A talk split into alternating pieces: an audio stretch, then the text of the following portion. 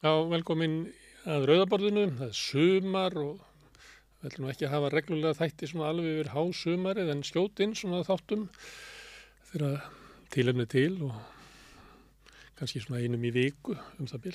Hérna á eftir að þá kemur Sigur og Magnús Egilson, bladamæður og við höfum rætt við hann svona næstuði vikulega í sumar eða þangað til að brestir fóru að sjást í ríkistóndasamstarfinu það voru svo áberandi að þeir blöstu við öllum. Hann hefur komið hingað og tekið svona stöðuna á ríkistjóninni og stjórnmálunum og hann ætlar að koma hérna á eftir.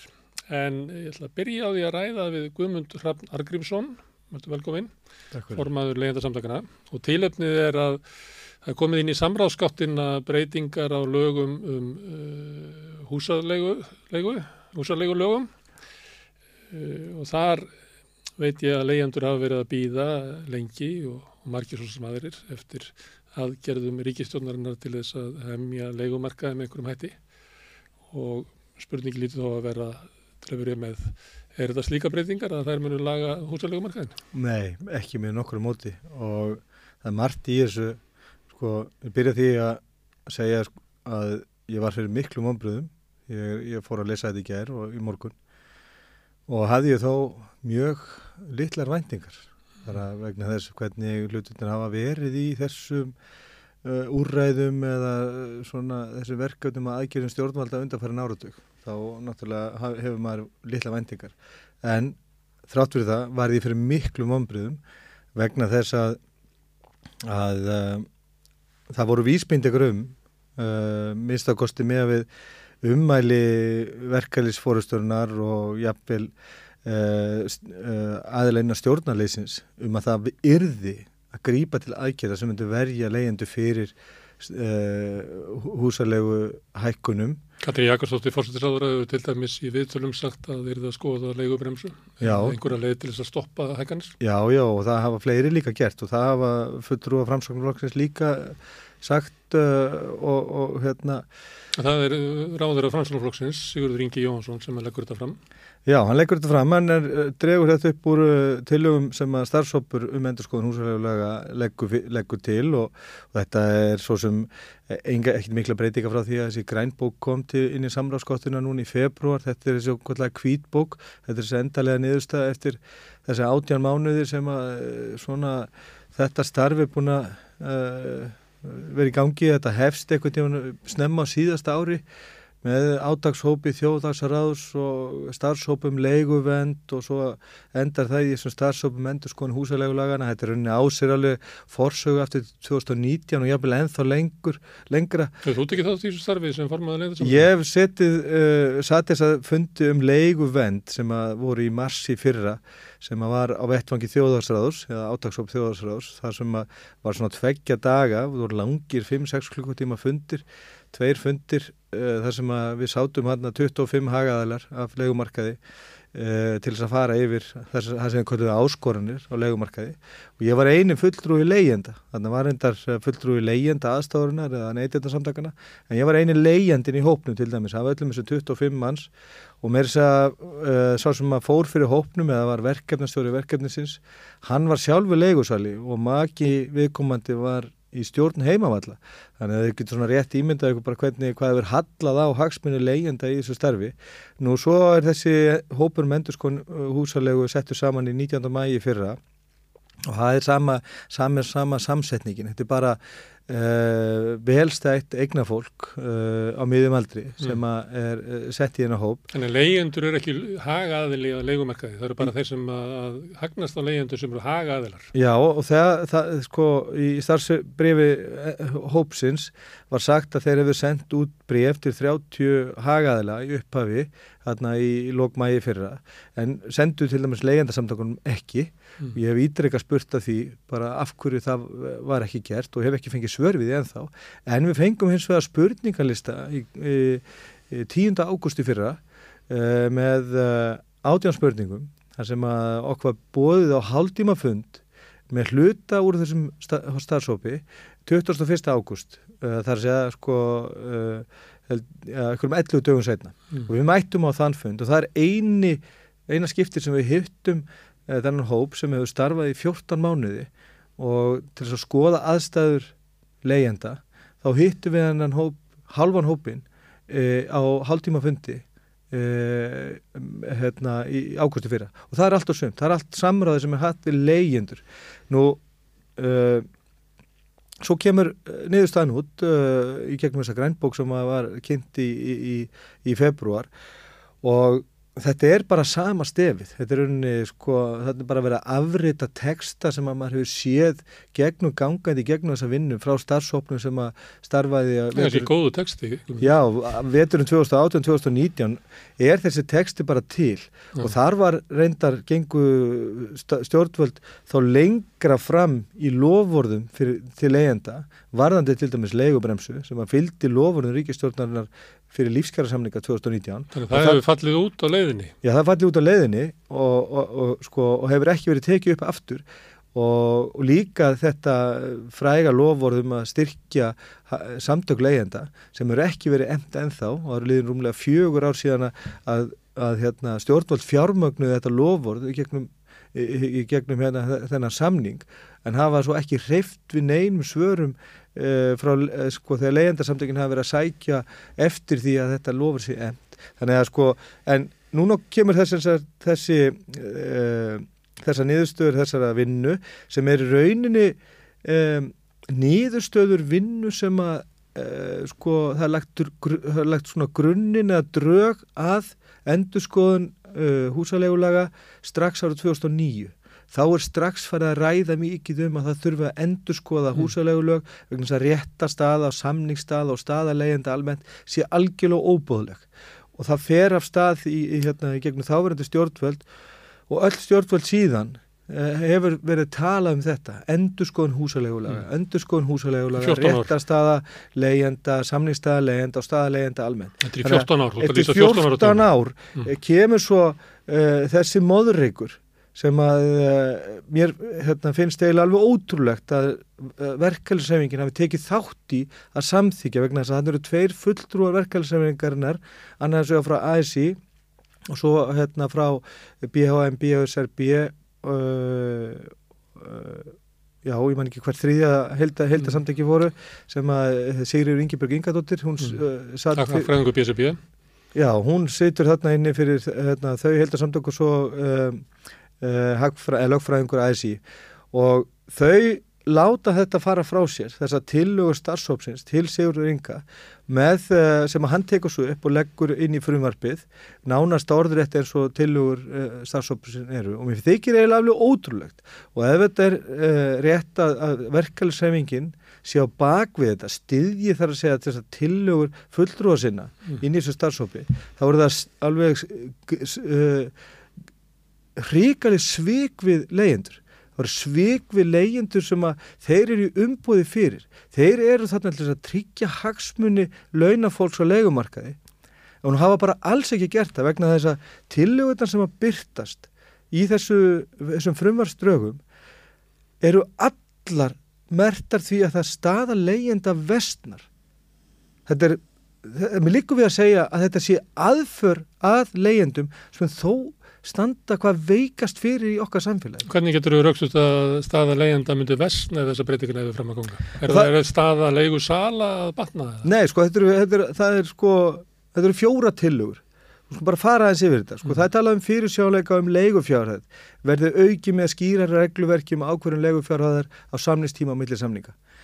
Nú, Það, það er þannig að auðvitað skiptir máli hvernig þessu, hvernig fyrirkomulega er á, á hérna, uppfæslu samningsfjáraðar. En við verðum átt okkur því að stóra vandamálið er að húsalega frá mars 2011 og fram til júni 2023 hefur hækkað um 143,5% sem er áttasunum meira heldur en hækkunu húsalegu í Evrópu.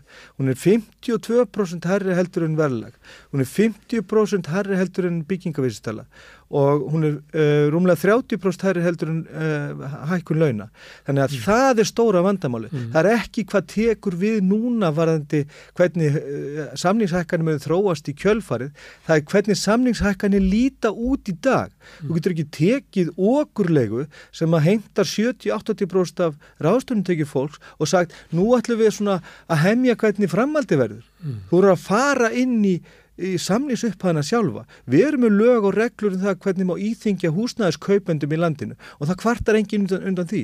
Þeir með það til dæmis ekki borgarna með 35% tekjum sínum í, í hérna, til þess að greiða húsnæðislánum og það eru lög sem allir samþykja og það eru lög til þess að verja bæði lántækundur og lánveitundur. En það er engin svona lög á legumarkan mm.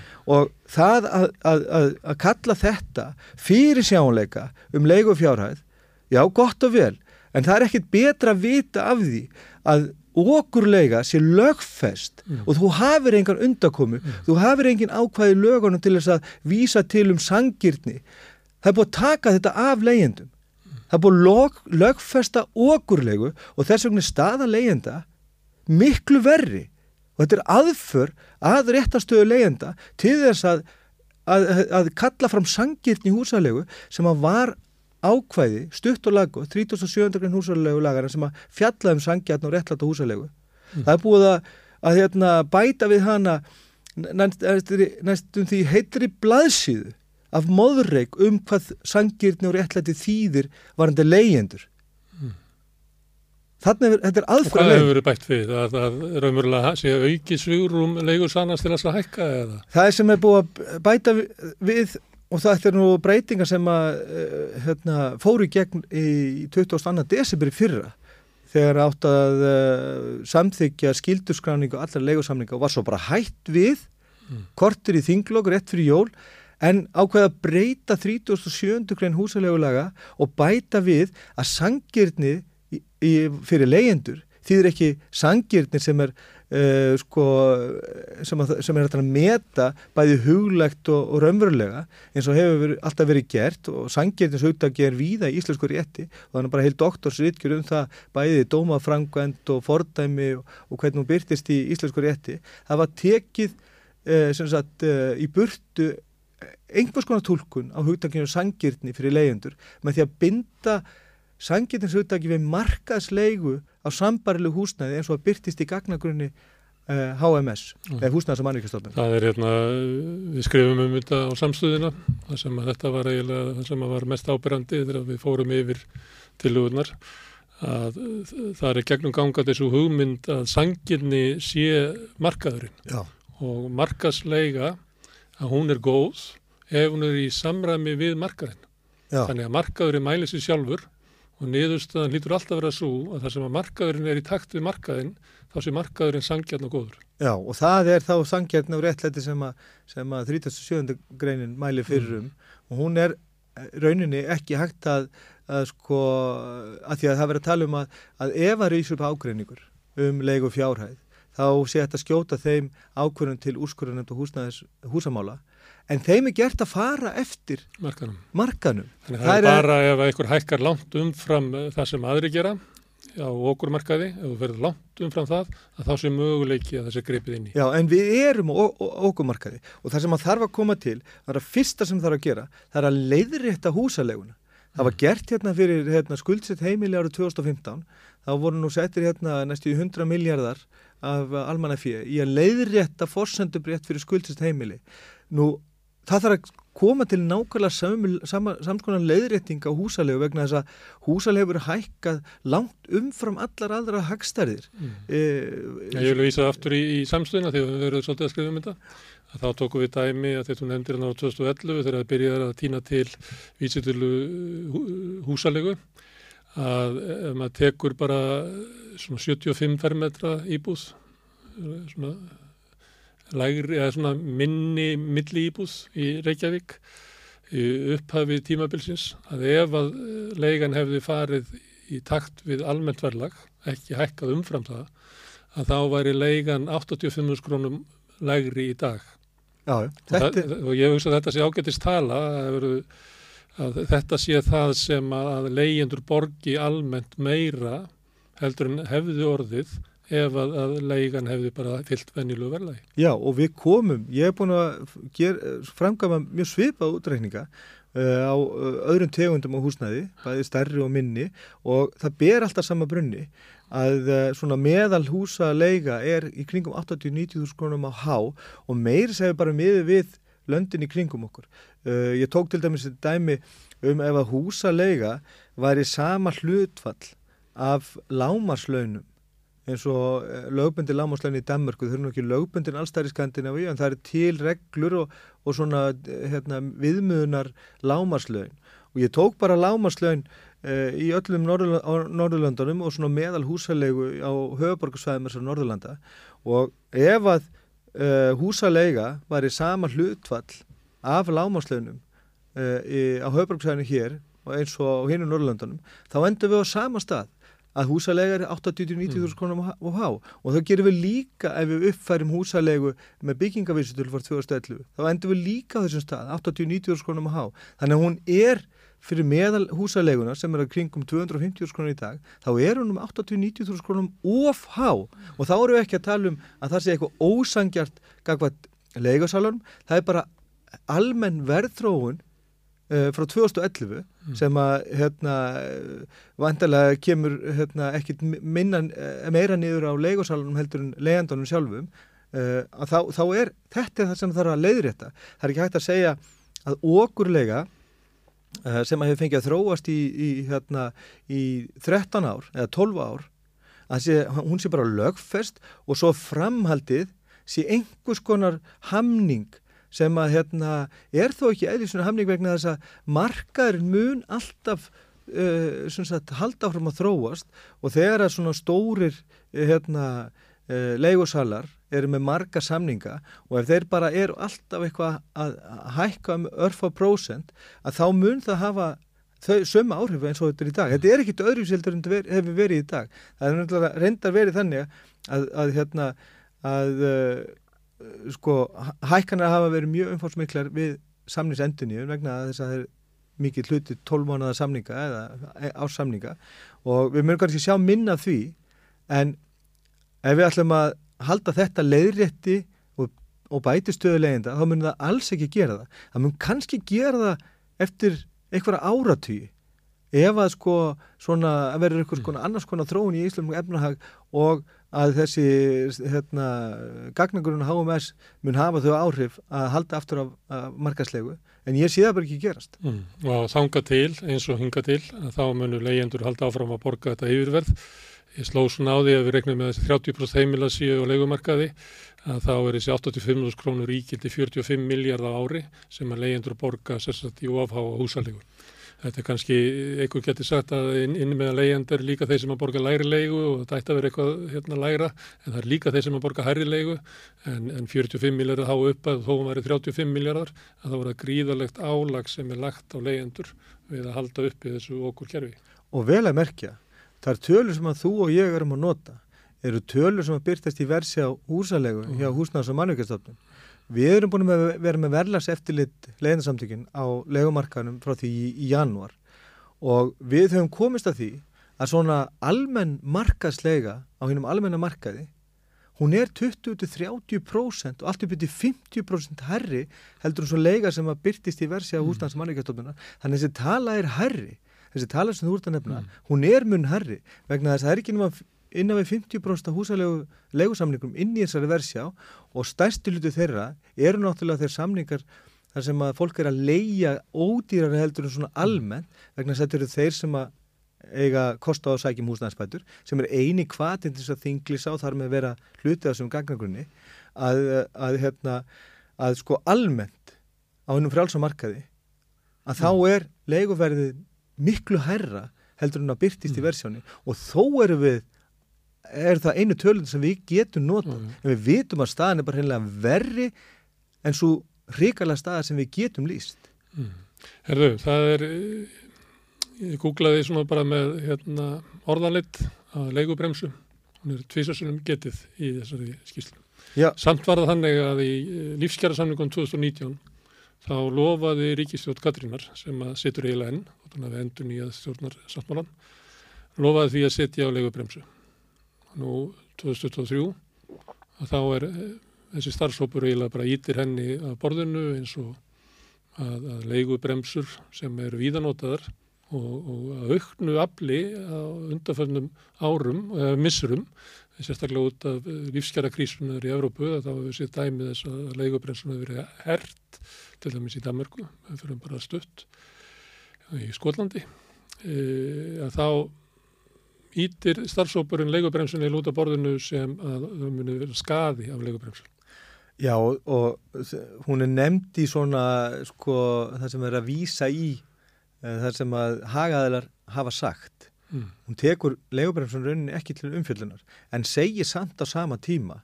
Sko leigubremsa... Það er meirinn að hagaðilar hafi nefnt hana því að ríkistónin lofaði henni. Já, já, en ég er að tala um sko að starfsóparinn tekur ekki leigu bremsuna til skoðunar í vinnunum sinni þrátt fyrir að, að þessu hafi verið lofað. Mm. En þeir nefna hins vegar að því að leigu bremsuna tekur bara til þessara breyting á samningsfjárað á, á hérna á hérna á meðan að samningssambandi fyrir hendi. Mm. Uh, og það er eins og þú segir, það er bara eiginlega allstæðar í Evrópu einhvers konar hömlur á því í gegnum þessa vísatöltengingu sem að vel að merkja fer bara fram einu svona ári víðast hvar en ekki einu svona mánuði eins og hér. Og sömst að nota til þess að lækka kerfispundið húsaleguna, nafnverð húsalegu þar sem að heimildin til að hækka er kannski bara brota verðbólgunni. Akkurat og þetta er þá í eðlusinu svona, sko, svona uh, einhver leiðað einhverju eiginlegu leiguþæki En það er svo merkilegt að varðandi þessa samningsupphæð áður en við förum að fjalla um þessa vísutölutengingu að starfsópurinn segir frá því í, í greinagerðinni að það eru 24 af ósýttiríkjónum með einhvers konar regluverk um upphafs samningsfjáraðina og, og hérna en, en ræða sko ekkert um af hverju og hvernig fyrirkomulega er heldur bara að tala um að þetta sé að vinna illa og þetta munir alltaf leiða til skors á húsnæði mm. og svo er bara málið afgriðt en samt eru 24 uh, rúmlega heilmingurinn af mm. ósettiríkjanum með þetta fyrirkomuleg mm. og, og hérna og svo verðum við líka að horfa til sko þó að þetta sé ekki nema 24 ríki af ósettiríkjanum þá verðum við að horfa líka til hvernig staðan almennt á húsnæðismarkaði vegna þess að staðan á húsnæðismarkaði skilgreinir í rauninni þörfina fyrir regluverki ef að það er uh, mikið frambóða félagsleira húsnæði Uh, og það er ekki húsnaði skortur uh, og, og hérna og hagkerfið er almennt þannig uh, og, búið þannig um hlutina að það er til dæmis greiður aðgangur að húsnaði á viðræðanlega verði. Þá þarf til dæmis ekki vera með svona leigu þakk og leigu bremsu vegna þess að stóra félagslega kerfi virkar raunin eins og regluverk, það heldur aftur af hækkunum og hennum almenna markaði vegna þess að hann er valkostu fyrir leiðin Markast ráðandi, svo sagt, um í þeim, í þeim löndum þar sem að þetta regluverk er í þessum 24 ósýðuríkjunum, þar eru aðstæður hins vegar þannig að það er ekki, því er ekki til að dreifa að það er greiður aðgangur að svona húsnæði og við á Íslandi, við búum við minnsta hlutvall af félagslega reknu húsnæði í allri Európu.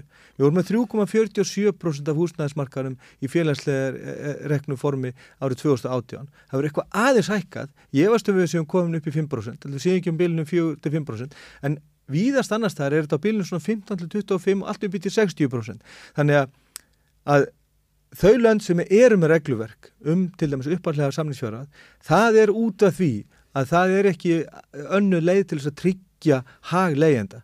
En hérna við ætla stjórnvöld að skauta algjörlega fram hjá því að við búum við minnsta hlutu allar félagslega reknu húsnæði í allir Európu og ríkarlega réttastöðu leiðenda að öllu leiti og húsnæðaskort og talar svo um að, hérna, að, að það sé ekki tilum til að setja regluverk sem að 24 önnur ríki hafa mm. gert og vera samt með svona slæman húsnæðsparka. Ég er bara átta mikið alveg á þessu og mm. varandi vísutölu... Þetta þú lýsir þessu eins og ákveðni tilraun að það sem að staðan er þannig annar staðar Londonum að, að þau lönd sem er með stert félagslegt húsnæðiskerfi að þau þurfa kannski síður á að halda uh, öflugur regluverki það sem að félagslega kerfið er veikt að það er yfirleitt upplugt reglukerfi til að halda aftur að, að markanum. Sumstaðar er þetta kvortvekja en Íslands stjórnvöld alltaf einn í heiminum að hafa kvorugt. Að hafa kvorugt, en segja samt alltaf reglulega í þessum tillögum og í greinagerðinni að sko samningstaða leyenda komi með auknu frambóði á félagslu húsnæði, auknu frambóði húsnæði mm. á sama tíma að það er fordæmalast hrun í framlöslu. Það trúið því að markaður er munið laga þetta. Já, trúið því að markaður er munið laga þetta. Ef að við værum með 30% af öllu uh, húsnæði uh, félagslega rekið og nægt frambóð, þannig að það veri raunverulegu valkostu fyrir alla og bara þeir sem að vildu myndu hérna, geta farið inn á almenna marka vegna þess að það veru kannski betur búnar íbúðir eða þær væru með betra útsýni og þess áttar eða hvernig sem að það væri hvort að hérna, þetta væri eitthvað öðruvísi heldur en svona félagslega reiki eða hvort að bara vildi ekki búa í félagslega reiknu húsnaði, það er kannski sömur sem að finnast það eitthvað óþægilt fyrir sjálfsmyndina. En ef þetta væri raunin valgástur þá myndum við ekki þurfa að vera með svona stýringu á, á hérna, frjálsa legumarka vegna þess að ef að leyendum býður við eða bara get ekki staði undir þeim, hérna, þeim kjörin sem eru bóðin, það bara hafa þeir valgost en í dag hafa þeir enga valgost þeir hafa þeir, þeir, þeir eru fastir þar sem þeir eru og, og, hérna, og, þar, og komast ekkert. Og þegar að staðan er þannig að þá þurfa stjórnvöld að setja regluverk og það hefur alltaf verið þannig og það er hugsun bara við rík, um ríkið að ríkið sjáu uh, um að fólki sé ekki misbóðið eða markaðurum misbjóð ekki fólki mm. og það er bara, úst, bara fórsendu fyrir markanum er að, að fólk hafi samningstöðu sem að veiti þeim kost á að bæta kjörin sín Mm. Guðmundur, við mjög taka þig frá svona efnisættriðum þessar mál sem eru bara svo fá og, og veik að, að, að, að það lýsir eiginlega ekki málinu að vera að lappi gegnum tilugur hópsins. Það eru svo veikar gagvað innum stóra vanda sem allir viðkjöna hefur verið hérna, við hefum vittnað í ummæli ráð Vafki og Framsóknar vittnaði í kröfur verkefliðsreyfingarinnar og lofur ríkistjórnarinnar í samningunum 2019 umræðu sem hefur verið innan stjórnkerfisins alveg frá 2009 í 14 ár við að bæta ástandið og ekkert kemur út úr þessu. Þá langar menn til að spurja þig, hvernig stendur á því að frammi fyrir þessu vanda uh, kemur Sigurður Ingi Jóhansson fram með eitthvað sem er ekki neitt neitt? Ég, hérna, ég get ekki kannski svaraði af hverju hann gerir þetta. Heldur hann sem búin að gefast upp í pólitík? Ég held að, að, hérna, að sko, það skiptir máli hverja hann velur til þess að uh, hérna, sapna þessu gögnum. Já, þú velur náttúrulega niðurstuna með því hverju þú velur Já, til þess að framkvæmja þetta. Ég er að segja það. Þú getur komið tilugur um hérna, breytingar í bankakerfinu og valið bara einhverja störlaðan ífrælsíkjumenn og þeir leggja til þess að allir bankanir verið seldur úr ríkisegn. Já, já, ég, ég er að segja það, sko, það, það er náttúrulega byrtist svolítið í því bara hvernig hann, uh, sko, þannig eru uh, fulltrúar frá ráðunetunum, frá samtökum atvinnlýsins, frá verkefælissefingunni, þannig eru náttúrulega sko fulltrúar frá verkefælisefingunni sem eru hagfræðingur og lögfræðingur uh, sko hátegju velsett eigna fólk uh, og, hérna, og fyrir hópnum fer svo hérna uh, velstæður lögfræðingur sem er giftur framsóknarþinkonu svona og hægur og heimatökin þar að velja náttúrulega hérna, mann man þar inn. En ég held að, að sko að við búum bara við þar aðstæður á húsnæðarsmarkaði að sko fjármála öflum þau ráða húsnæðismarkanum mm. uh, það er hérna ha, það hafa byrst fréttur um það uh, undarfarið að álögur eða álægninga á húsnæðismarkaði á Íslandi sé uh, fjórfalt meiri heldur en viðast þannig hvað uh, og það komur nú bara fram í, í skýslu frá B.A.M. núni vor um að álægninga á, á húsbyggingamarkaði veri 100% uh, við höfum búið við húsnæðiskort sem er alveg fordamalus uh, og honum er viðhaldið. Og er að vestna gríðarlega og er að vestna þannig að, sko, þannig að sko að það byrtist manni annarkvort hafa uh, sko þessi fjármálaöfl uh, svona gríðarleg tök á uh, framvendu sko leikumarkaðurins vegna þess að leikumarkaðurinn og staða leienda og hagnað vonin á leikumarkaðunum sem að byrtist bæði í sko hinnum eiginlegu leikutekjum en líka í, í sko ásókt fjárfesta á, í húsnæði til þess að, að hérna, að, sko húsnæðisverð á, á Íslandi og hækkun þess má fyrst og fremst skýrast af stöðu leienda Uh, eignarhald á húsnæðismarka mm. hefur þróast hannig að hefur 70% af öllu húsnæði frá 2005 hefur endað í höndum eignafólks og þeirra sem er e, og lögæðila sem er að setja íbúður á legumarkaðin mm. og það er þetta fólk, fjársterka fólk sem er að keira upp húsnæðisverðið og það, Vegna þess að leigjendunir eru að borga húsnæði fyrir þau. já, af því að það er, geta bara hækka leigun endalust Já. út af skorti og það er forsenda fyrir hækkun og húsnæðsverði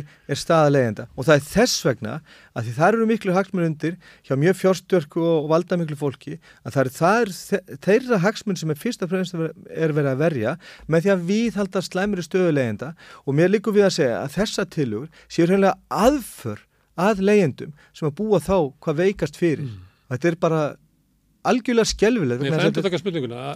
Er það þá þannig að ráðherran sem að kemur fram og viðurkynir vandan, viðurkynir vandan á, á leigumarkaði, að þurfa að gera eitthvað í þessu, bæði inn, innviðaráðura og fóstisráðura, viðurkynir það. Síðan er settur í gang starfsópur sem að vinnur í nánum tengslum við ráðherrana.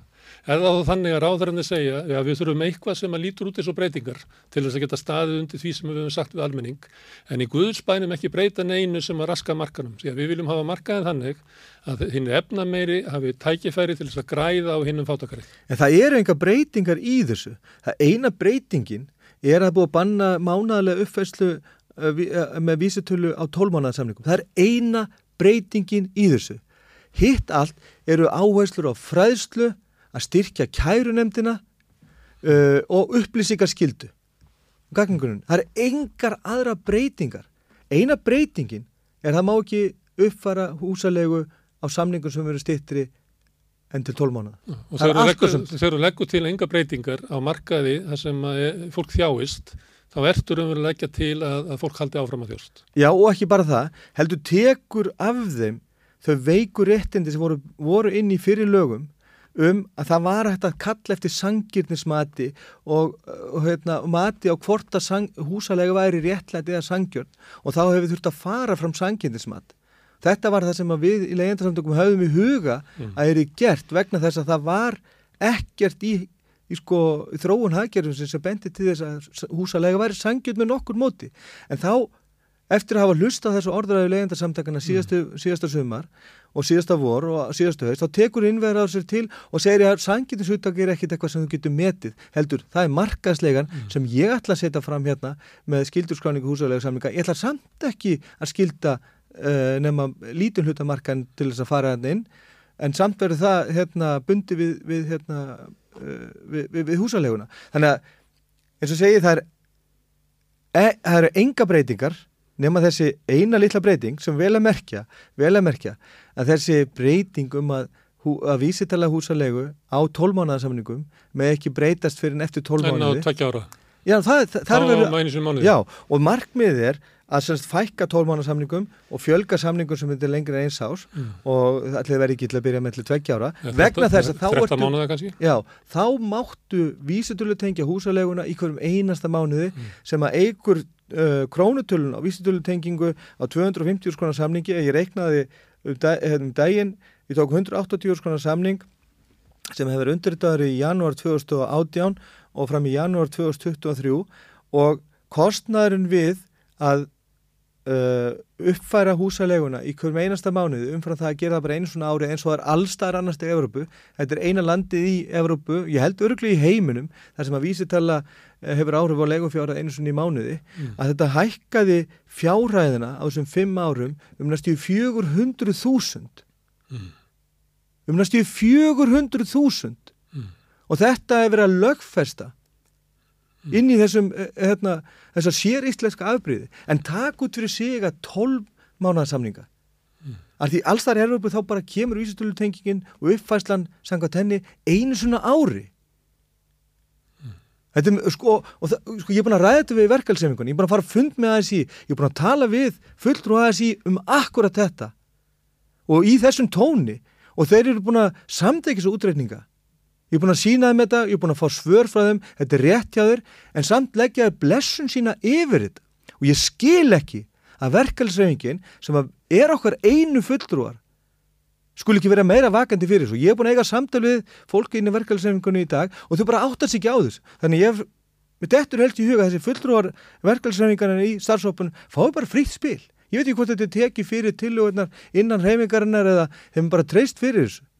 Ég finnst þetta bara algjörlega galið. Þannig verkefælsreifingin hefur raunverulega, ef við viljum vera dramatíski, stungið hnífi í bakið á leiðendum með þessu. Bara sviki leyendur og, og kannski eina haldreipi leiðenda og það, þess vegna er þetta kannski sárara en ég er ekki vissum að verkefælisöfingin muni styðja þetta vegna þess að ég er ekki vissum að sko almennt að verkefælisforkóla gerir sér grein fyrir hvers óskapnaður þessar tillegur eru þetta er algjör óskapnaður mm. Og þetta er eh, sko, það er ekki að gera leiðendum eiginlega neitt verra heldur að koma með eitthvað inn í neður ástand sem að veiki stöður mm.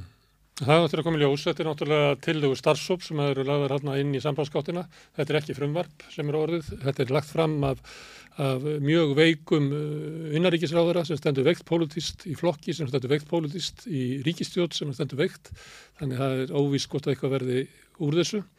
Ef ekki, þá mun bara halda áfram þessi 14 ára saga þar sem að stjórnvöld ætla að grýpa til einhverju aðgerða til þess að bæta leikumarkaðin en ekkert hefur gæst í 14 ár. Trátt fyrir að sko okrið og, og hérna hefur verið grafið undan lífskjörun leyenda árið til árs.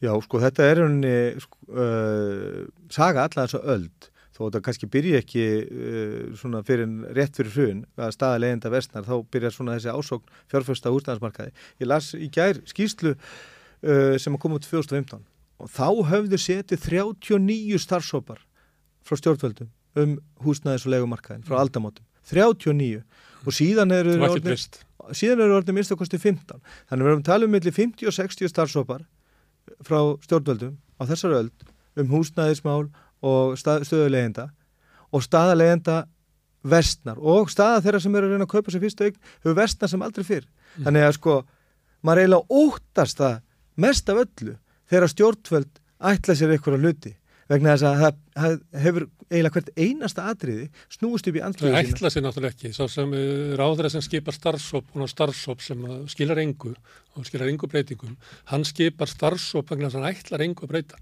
Já, þetta er sko, það er svo margt í þessu sem er sko algjörlega galið, það verður að vísi til dæmis í hluteldalán og það verður að vísi í húsnæðisbætur í þessum, hérna, í þessum drögum af frumvarfi, sem, sem er komið inn í samráðskáttuna, uh, sko og það, það stendur ekki steinni við steini sko varðandi hvernig, hvernig hérna, ef, ef, ef, ef maður rínir í þetta.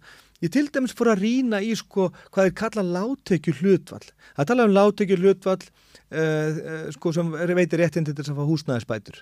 Húsnæðisbætur hérna eru kringum 10 miljardar á ári. Uh, og svo er talað um láttekju hlutvall sem veitir réttinn til þess að fá hluteldalán sem er talað um þessa, þessa sko flóttaleið út af legumarkan mm.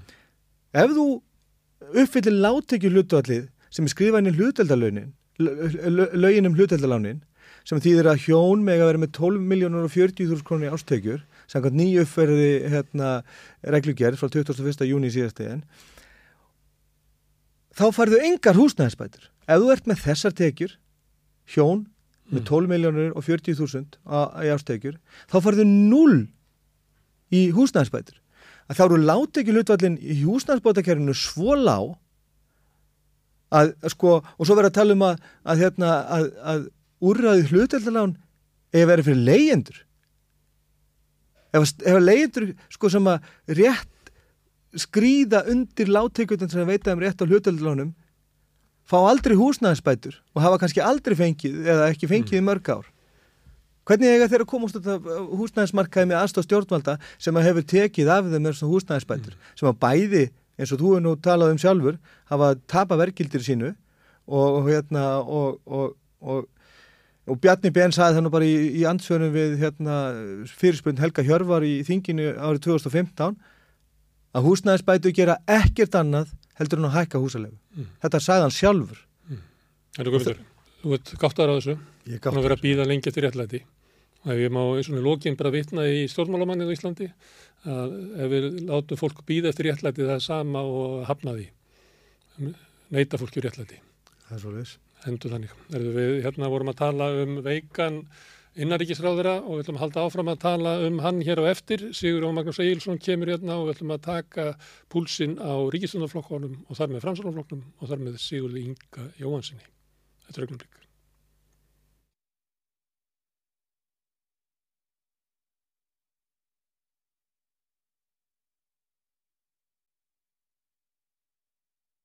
Það eru pólitískar jarðhæringar, við fengið núna í sumar hann Sigur Jón Magnús Eilsson til þess að koma hingað til þess að meta svona skjáltan í ríkistóndarsamstærinu fyrir um þingfrétta maður eins og áður komið fram í þessum þáttum. Rýststjórið miðjunar Já, já, og þú verður bræður já, svo það sé aldrei til aða. Erðu, ég var að tala með hann Guðmund Hrafn Argrínsson hérna áðan Já. um, um hérna, það liggur inn í samráðskáttunni svona tillugur starfsóps uh, ríkistjórnarinnar umvöla. Ég held að þetta heyri undir þjóðarsráð en þetta er náttúrulega lagt fram af, af innanríkisráðara, Sigur Inga og Guðmundur Hrafn var náttúrulega gáttaður yfir því að, að þetta kæmi út úr umræðu sem raunverulega hefur verið inn í ríkistjórnum alveg frá 2009 um eitthvað til þess að, að, að bæta stöðu leiðanda. En þannig er eiginlega bara akkurat ekkert lagt til og hann segir þetta bara muni gera stöðu leiðenda verri. Og ég spurði hann svona hva, hvernig standi á þessu af því að, að ég held að allir stjórnmálamenn, verkefliðsreifingin og ég allir viðurkenna það að ástandið á leigumarkaði er afleitt. Mm. Það er mikil ókulega hérna, margsins verið sínt fram á að leiga hafi hækka meira hér en annars þar. Hún er herri sem hlutvall af lægsturlaunum og öðru slíku og Katri Jakobsdóttir hefur sagt að það verði að horfa til einhver aðgerða til þess að hemja leiguverðið. Það sé ekki alltaf að henda peningum inn í leigubætur en þær farið bara til hækkunar, fjármagna hækkun og húsalegu. Bjarni Benedusson hefur sagt það sama með þessu á þingi. Sigurður Ingi hefur viðurkett vandan, verið í kastljósi og víðar og talað um að þurfa að gera einhver aðgerðir. Síðan komaður ekki með neinar aðgerðir. Og ég spurði Guðmundur Hrafn að því hvað hvað þýðir þetta eiginlega? Þýðir þetta að, að Guðmundur, nei Sigurður Ingi er bara búin að gefast upp í politík. Því þetta er eiginlega sko, þetta er hans stóru málum, hann er talað með all húsnæðismálin, en, en leigumarkaðurinn er sérstaklega og það er verið að reka á eftir því að, ríkistöndum komið fram með einhverju alvöru aðgerðir. Og svo kemur hann ekki fram með neitt Mm. og ég ætla að spyrja þig sem stjórnmálarskýranda. Má draga álíktanir af þessu að hann hafi bara ekkert svona pólitískt trek til þess að leggja fram einhverjar aðgerðir sem einhverju breyta. Já, hann er náttúrulega búin að vera sko kall kvölinn sko þriðja hjólið undir þessu og ég hef alltaf verið vissum það svona, hann haf- hafi ekki svo sterka pólitíka stöðu. Það var rétt á kostninganóttina þarna þegar þeir náðu góðum úrslit, fengu góð úrslit. Það fyrir náttúrulega frábær úrslit. Já, alveg. Já, en því 18% fylgi. Já, 13 en það er svona, Katrin og Bjarni hafa bara haldið áfram af allt yfir hann, hann er alltaf svona einhvern veginn til hlýðar og, og veit ekki alveg hvernig hann að haga sér í þessum hópi og svona, þannig að ég held það, hann uh, bara kemst ekki áfram með meira, það reyndar þetta er, þetta er Já. og nú verður hann að sína það að það, ha- hann sé með bein í nefinu og geti breytt þessu, En það er ekki með þessar tillögur, vegna þess að tillögurna gangi út að breyta engu, sko. já, ekki skrifar hann undir tillugunar. Ég annars myndi hann bara ekki leggja þetta fram, sko. Já, já, kannski, já, Ég held að. Já, já. þá myndi hann bara reka þetta aftur og segja bara þetta er ekki fullnægjandi tillögur. Þannig ætti svona ráður að, hegða sig. Já, þeir sem er, já, sem hafa svona kjark og reist, Já, sko, já. myndi gera það. En Ari víst að hann hafi það. Það er, ég hef nú sagt áður í sem þáttum, sko, það er þegar hann hérna var sjávordaðsráður og laði fram uh, í ríkistöldinni frumvart til breytingar á fiskveðstjórnanlögunum mm. og Bjarni sagði bara nei Mm. og það bara varði ekki, sko. Nei, nei. Þannig ég held að þurfi ekkit svona mörg sterk nei á hann, eða þess að frá þeim, frá Bjarni eða Katrínu. Það sama áttu náttúrulega við um, um Ásmund Einar Daðarsson. Já, hann er í Sem- vandamálum. Já, sem að, ég ætla að því að við tala um húsnæðismálin að ríkistöndun lofaði í tengslu við hérna, lífskjara samlingana 2019 að það er þið sett á leigubremsa og Ásmundur Einar tjastlaði saman einhverju frum, frumvarpi og sjálfstofleikur sagði bara nei og það var ekkert að því.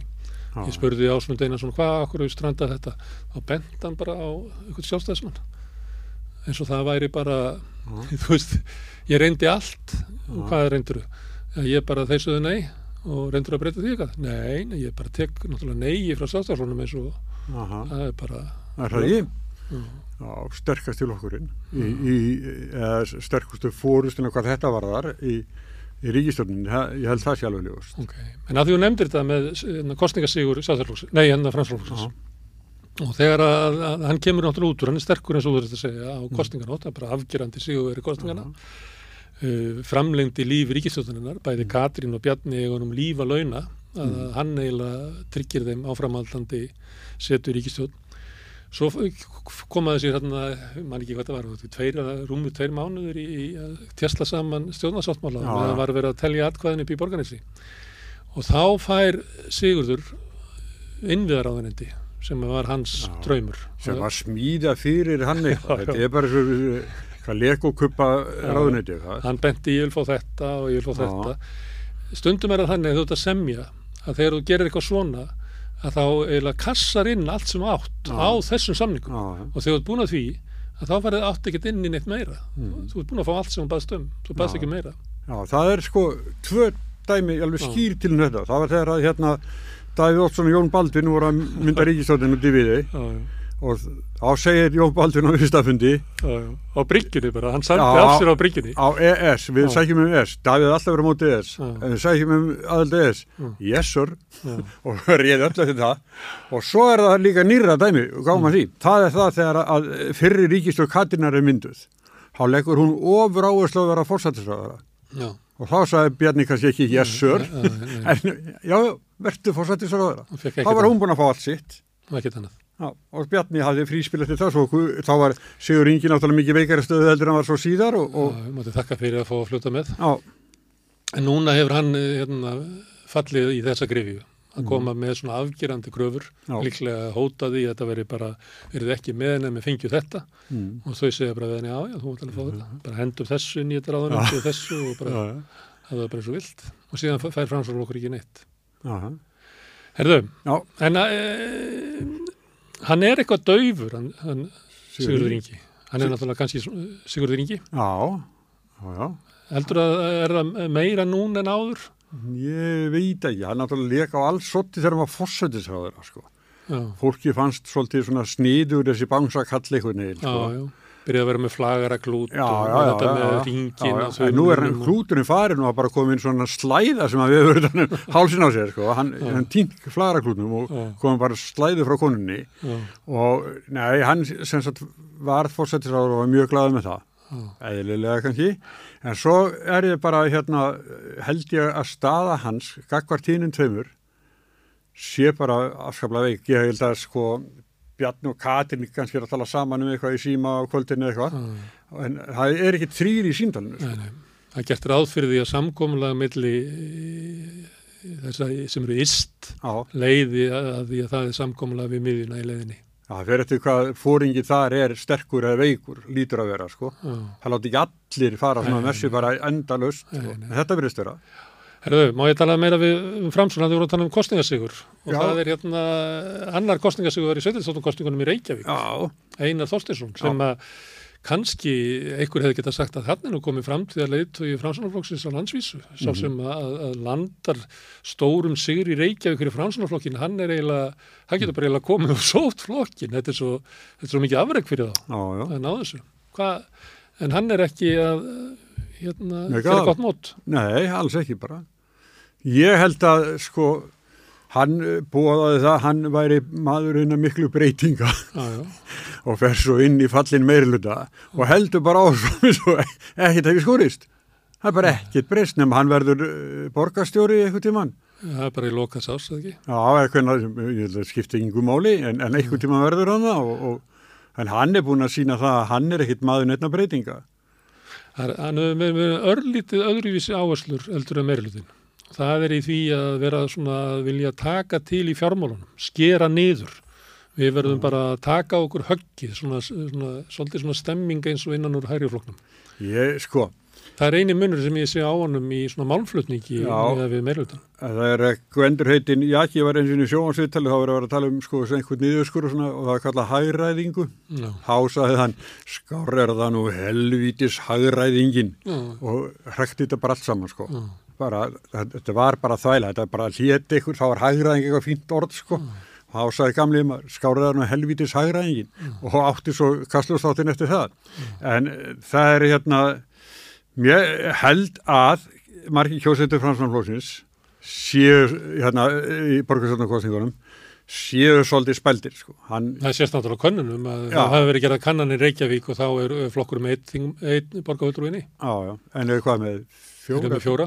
Fjóra. Það ég hef bara sjálf sem þú sérð að hérna kostningasígur tæmist svona rætt. Rætt, ég bara man ekki Á- eftir á- öðru Að dæmi. mestum hluta sko. Já, ég man ekki eftir öðru svona dæmi sko. Nei, Nei ég, hann hefur hérna farið viktast að þetta er svona verið svolítið vekti á hann. Það er ekki klókt að heia kostningabarátum að við viljum breytingar Já, og breyta svo engu. Já. Það er ekki það er sjálfur vonlust. Já, og eiga þetta alltaf eftir. Þurfa að sapna hverju kvöldi, ó, ég verði að fara að breyta ykkur.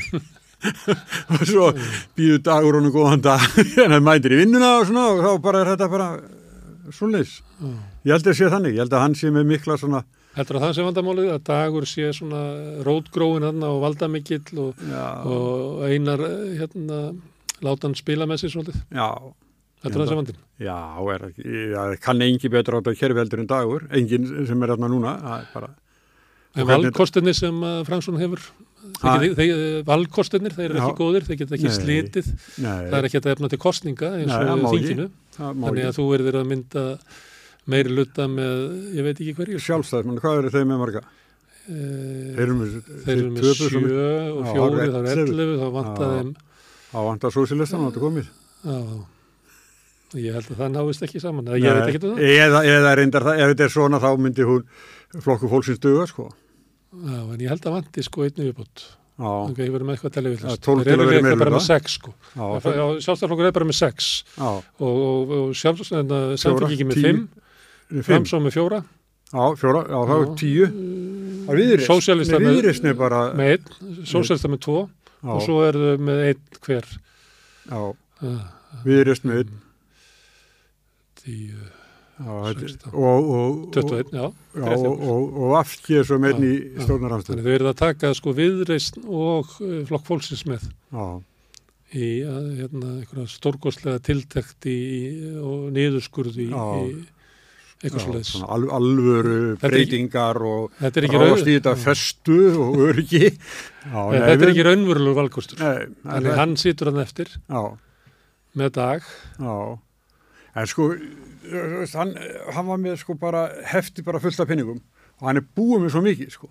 Já, Hann er búið með svo mikið, ég að segja, hann er búið með sko þrýr fjórðu af, af, af fylginni farið Já. og þá er svolítið erfitt að spilna sig í botni núna og segja, já, hefur ekki að fara að breyta ykkur. Þú, hann hefur ekki lengur þessa stöðu sem hann Ok. hafði strax eftir kostningar. Mm. Herðu, við myndumst Klúður. á Ásmund Einar sem er náttúrulega mjög sérstökum málum þessa dagana fyrir stjórnmálamann að frængur hans eru með podcast, já, lofa mörgum þáttum, búin að senda út einn, heitir Lömbin þagna ekki. Lustar á þetta? Nei, nei. það er Ég lusta á hérna- þetta. Jóhann félagi minn Þorvarason sem skrifa mikið inn á miðuna, hann, hann, er, hann er að vinna í þessu. Já.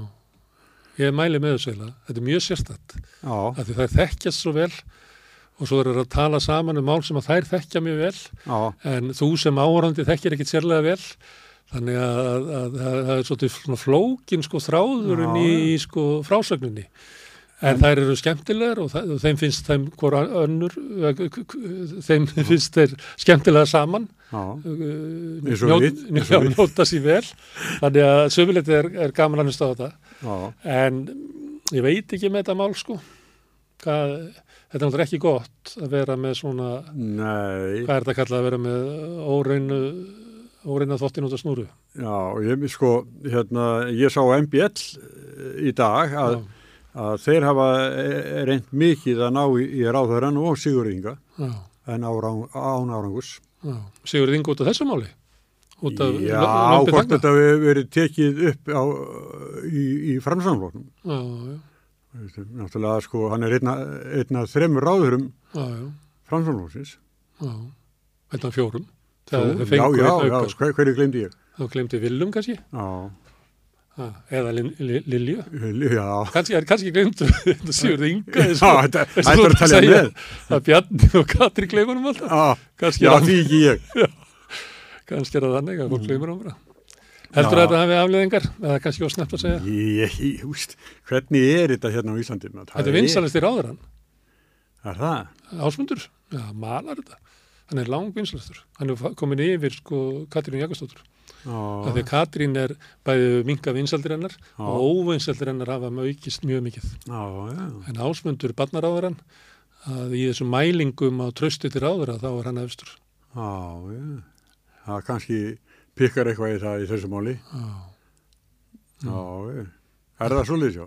já, Já, ok, þá var það það. En, en já, auðvitað er þetta, sko, varðar þetta framsóknarflokkin máli og hann er, hann er búið eins þungum sökum, um innbrot og skemdir og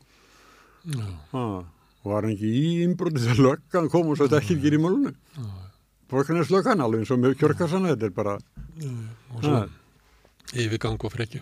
já, En Sigur Ingi, hann lifði nú af svona nexlismál út af svona rasískum ummælum á búnaðarhingi. Já, Það er svona, framsvonarflokkur gerði ekkit í því, nei, nei, ekki nei, sýnilegt. nei, nei. Það voru svona er fjölmiðlar sem að gengu á hann og, Drag fullur kall maður eitthvað, sko, þetta er, er ekki sómaður þessu. nei, og, og ekki heldur sómi að því hversu lengi hann var að sko viðkenna Já, já, já, já, sög sína og ekki láta ná í sig og ólundarleg afsökunarbeðni og já, já. Nánast ég endilega viljið Já. þetta, var svona, þetta var raun, sko. Herðu, þetta er framsvonarflokkurinn. Já, þetta er hann, já, eins og hann er núna. Framsvonarflokkurinn, hann er ekki, hann vonar bara þessi ríkistjótt lifið ekki. Jú, allan að, sko, þeir geti ekki komið aftur með, er ekki bara best að kjósa framsók. Nei, Þannig þeir vera með þeir að finna upp eitthvað annað. já. Það er eitt svona framsvonarmaður að fyrirvanandi framsvonarmaður sem að svolítið skrifar um hérna ríkistjóðnarsamstarfið og að það sé að bresta sem er Björn Ingi Hrafsson. Já, já, Hann er búin að endurvekja viljan og er svolítið svona kvass í því að draga fram ágreiningin í ríkistjóðninni. Hann vaknaði eiginlega þarna bara í við kvalamálið, já, já, Þá já. vaknaði viljin og maður Bara- fór velta fyrir sig býtu. Fyrstu kalaskotinu, það var ekkit skotið. nei. Ég man ekki alveg sko, Björn Ingi er hann hérna, Sigmundar eða, eða Sigurðar Inga Nei, hann vann með sig, nei, hann var með Haldur Áskrimsinni. Já, Þetta er svo langt liðið maður. Hann var með Haldur Áskrimsinni. Sér það ekki. Nei, þannig að maður veit ekki alveg hvort að meira ráði í þetta, hvort að sé einhver svona vilji meðal uh, framsónamanna að, að láta sverfa til stáls í ríkistjóninni eða hvort að þetta sé sko miðflokksmaður sem er eiginlega að vonast til þess að ríkistjónin springi þannig að Já. miðflokkur verði tekin upp. Já, já, þannig að hann geti bætt stöðu sína Já, í kostningum hið fyrsta. já. Það er Þeir eru aðeins í, í, í skonakonum að þeir eru aðeins bætt við sér fylgi. Framsón. Nei, miðflokkur. Já, miðflokkurinn, já, Já, bara hægt og rólega, svona Já, um, tæplega hálf prósent á milli mánaða. Það var farið úr svona 4,5 upp í 6,5, já, lappa þá leið. Það var ein hérna, skakfyrðingur sem ringdi í mig og sagði mér hérna, sögu Mm. sem ég sagði nú ekkert frá hérna við rauðaborði svona í aukasetningu en hún er svo að kaupfélagsstjórin Mm. hann er búin að fá nóga þessu ríkistöð og leiðin sem hann sér út úr þessu já, verður að, að það verður að hætta þessu ruggli með miðflokkin og, og, og fransalflokkin það er bara saminast. samnest það er ekkert viti því að hafa þetta í tveimur flokkum. Og það er að samin þetta og það gefur tækifæri til þess að henda vafki út úr ríkistjórn og til þess að samina þetta þá þarf að vera ný fórustæði Já. af því að Sigmundur Davíð mun ekki sætta sig við það að, að vera undir Sigurðinga Aha, og þá kemur minn maður myndi kaupfélagsstjórinn segja já, Ásmundur Einar sem að tekur við flokknum.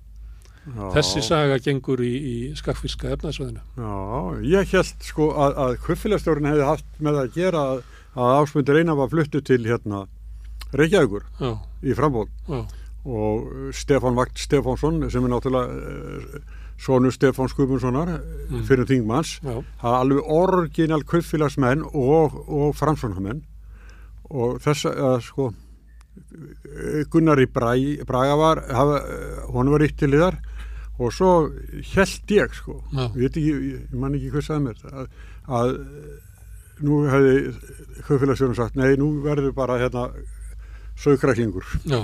En það er það ekki vegna þess að hann gatflutt Ásmund Einar til í bæinn, þannig að Ásmundur Einar kemist á þing þar.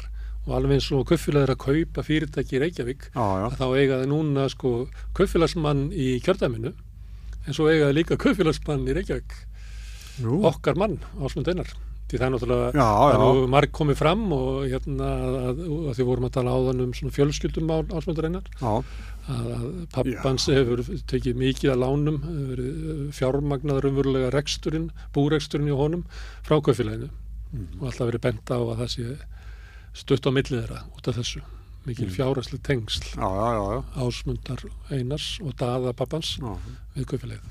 já. En þú kaupir ekki þessa Nei, uh, fínu kjaftasögu sem ég flytt hérna? Jú, jú, hef, jú, hún er bara alveg ágætt, sko. En, en, eh, já, þú segir það, já.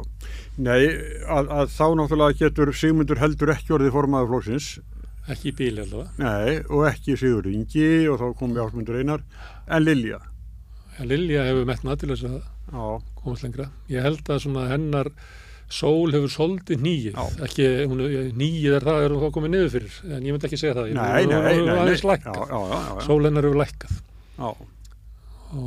Fyrir einhverju síðan hefðum við geta bara ítt Sigur Inga út, já, en það er svo, já, en hún gerði það ekki, Nei. hún mista strætó. já.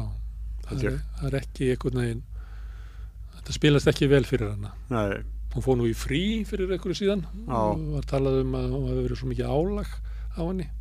Þannig að það getur líka verið það að sko pólitíkin er slítandi að, Mm. að einhver sem að var í stuði fyrir fjórum árum að það er ekkert skrítið að sá sér ekki í stuði í dag já, af því að þetta er náttúrulega ormagrifjur og endalus átök við samerja og, og verða allir hálf parónaut og vittlusur sem inni. talandum það, Já. talandum Sameri og, og, og, og Þorgeri Katrínu, Já, það, hún bara leta að heyra það, fyrir eigana. já. Þetta halla eins og Samerja. Það er út að vísa í frétt heimildarinnar Já, um uh, hvernig íslenskir stjórnmálamenn beittu sér í, fyrir samherja já, í færiðum og þar með Þorgjörðu Katrín. Mm. Þetta þetta var áhrif á hana? já. Já, Ég held að, sko, mórallin í samfélagin er þannig að Sameri og eitthvað sem svona tengist, það, það var svolítið bátt með það, sko. já. Sameri er ekki, sko, vinsalsta fyrirbæri á Íslandi. Ekki út í viðrist alltaf. Og alls ekki út í viðrist. Nei, já, já, já, herrðu, svo, tölum um það maður. Ég hérna á sínum tíma þegar að Þorstedt Vílusson hætti á samtöku vandilísins og fór í frambóð Já, að þá var ég að vinna eitthvað fyrir ringbröð og ég náði að skuppa þessu. Hann væri krati. já, Hann sagði að hann væri krati. já, og hefur hrifist mjög af, af alþýðiflokki Jóns Baldvins. Og ég hérna var þá á ringbröð og skrifaði þetta ekki á vefin og svo tók ég viðtal við hann þar sem hann sagði þetta. Og núna, í dag, kemur hann og segir að, að viðri sér allt og mikið, mikið En hann er ha, já, nú, já, bara eftir hann hætti á þingi eða ég veit ekki hvað er, að þá er viðreist norðu flokkur sem hann vildi verið í, uppalega, svona krataflokkur, hægri krataflokkur, Já, og segir að flokkur sé þar sem hann vildi vera og allt ómögulegt. já. Heldur að viðrist hafi fæsti vinstri eða hefur Þorstið fæst til hægri? Þorstið til hægri. Já. Það er svolítið svona sláttur á honum eftir að hætta á þingi. Hann eiginlega talar meira núna en þegar hann var inn á þingi. Það liggur við. Já, maður reyndar er mjög, já, nú með út, af þá, það er svona pólitíku umræði, hann var alltaf mjög fínn í því, sko. Já, Að- en hann hefur búin að vera mjög sem bara eitthvað forstur út í bæ að það var hann mjög ábyrrandi í samfélagsumræðinni hann var mjög ábyrrandi í sambandi við kjaramálinn í vetur var með hérna, mjög herskár á þessu tímabili fór ég, að- hugsa býttu ætli hans eiginlega sækjum að taka við að haldur Benjamin því að Já. maður sá ekki alveg sko tilgangin í því að eitthvað Nei. forstur út í bæ var að tjá sig svona hart Nei, ég held að þess hitt, sko, að Eyjólfur Átni sem er formaður, já, að hann hætti næst, já, sko, já, og hann vilja vera já, já. Það er hann er mikið- í ykkur kostningabaratu sko. Það er mikið betur en að vera frængvændastjóri. Frængvændastjóri þarf að vera í ykkur svona drulludjópum. En fo- fo- formaðurinn, hann er bara formaður. fyndið eitt af því sem að Þorsteinn Vílusson hefur verið að segja. Það var að vera um daginn bara í gærið fyrir dag Mm. það var það að, að, að uh, vandamálið á húsnæðismarkaði væru afskiptir hins opibera og ég var nú að vitna því á því að ég var að tala við Guðmundur hérna áðan. Já, og það sem að hann lítur náttúrulega á að vandamálið við húsnæðismarkaðin er að það er engin afskipti hins opibera og það er það sem að er yfirlega að vera gaggrína það er til dæmis það sem að að, að, að e, hérna, náttúrulega sósialistar hafa bent á að, ríkið er bara að byggja uh, samfylkingin hefur verið að benda á að þegar að sko markaðurinn brestur þá verður ríkið að stíga inn og gera eitthvað en inn, inn í þessu umræðu sem ég held þetta væri orðið bara viðukent staðrind að vandamálin á húsnæðismarkað væri það að ríki væri bara hefði dreigið að sér hendurnar og það væri bara mm. stjórnlaus markaðurinn sem að væri að, að spenna upp húsnæðisverð og leiguverð og, og hérna sitand á lóðum til þess að ná einhverju meira, þetta væri bara eitthvað svona matator kemur alltaf í Þorstein Vílus og segja vandamálin er að ríkið er of mikið þarna. Þannig að mér finnst hann sko ef þú takir svona rattirnar í, í umræðinni þá er Þorstein Vílusson eiginlega, eiginlega sá sem er eiginlega hvað lengst til hægri í dag já, hmm. gamli krattinn. gamli ykkur rattin Hérna, ég held að þetta sé svona framtíða leikur hjá honum, sko. Já. Hann ætla að fara í verða formaður SA. og ekki inn á þing aftur hún er fyrst að vera tilgangslega svinnustar Já, ég held að hann hafið það betra þarna auðvitað því, sko. En Þorgjörður Katrín, Já. ég held að við höfum rætt um það áður hérna, að hún er nú einn af þessum formunum sem standa ekkert allt og stert Já. í sínum flokki. Já. Hún kem sko ekki löndið strönd með hennar flokk, sko. Þannig ef við reysn ætlar að gera eitthvað, þá getur náttúrulega saminast aftur inn í sjálfstæðarflokkin. Maður heyrið það stundum svona rattir inn í sjálfstæðarflokknum. Stundum uh, hef ég svona heyrt svona tón hjá Guðlíði Þór, Þórdís í Kolbrúnu, svona um að sko að klopningurinn á sínum tíma hafi verið slæm mm. slæmt eh, svona atvik í sögu sjálfstæðarflokksins og að auðvitað eigi þetta fólk heima hér og sjálfstæðarflokkur verða að vera breyðari til að geta rúmað fleiri og, og það er svona eins og skiljanlegt er að inn í sjálfstæðarflokknum þá hljóta margir að hugsa um það var, meina, var þetta til einhvers að hérna, kljúfa flokkin á mm. einhverjum ágreiningum Evrópumál sem að meiri sér samfélgi segir að sé ekki að daskra hvað rugglir þetta, Ég held með að, þessa sko, Pólitískur áttaviti viðreysnar er Þorstein Pálsson. Ég held að sé alveg. Já, hann ætlar seg- ekkert aftur heim Nei, Nei. hann allar það, hann, já, hann allar bara, sko, hann er bara svona stjórnandi, skrifar, sko, svona læriðar greinar, fáar eins og, sko, samviska flokksins. Já, já, og, og sko, hann, hann vandar náttúrulega, það þarf kannski ekki að vanda sem bara vandaði maður, Já. svona hvernig hann setur þetta fram, veit alltaf hvernig hann segja og gera, stundu þarf maður aðeins að uh, þú stærri nátt að sjá því hvað hann er umvöld að segja. Já, já, hann er svo varkar. Já, já, kannski það, já, hann er nú skánað með það, með áránum þetta, já, já, en alltaf, en, en eh, ég held að, sko, það sé þarna, sko, sé svona smá eh, kjarni eða sökkulleikur fyrir, fyrir, fyrir flokkin, það er Þorsti Pálsson og hún náttúrulega eh, ég er til dæmis Þorgjöru Katrín sko hlustar og vel, vel á það sem hann er að segja og ég veit ekki en hvað vil Þorsteinn, vil hann fara aftur heim í sjálfstæðarflokkin það get ekki ímynda mér.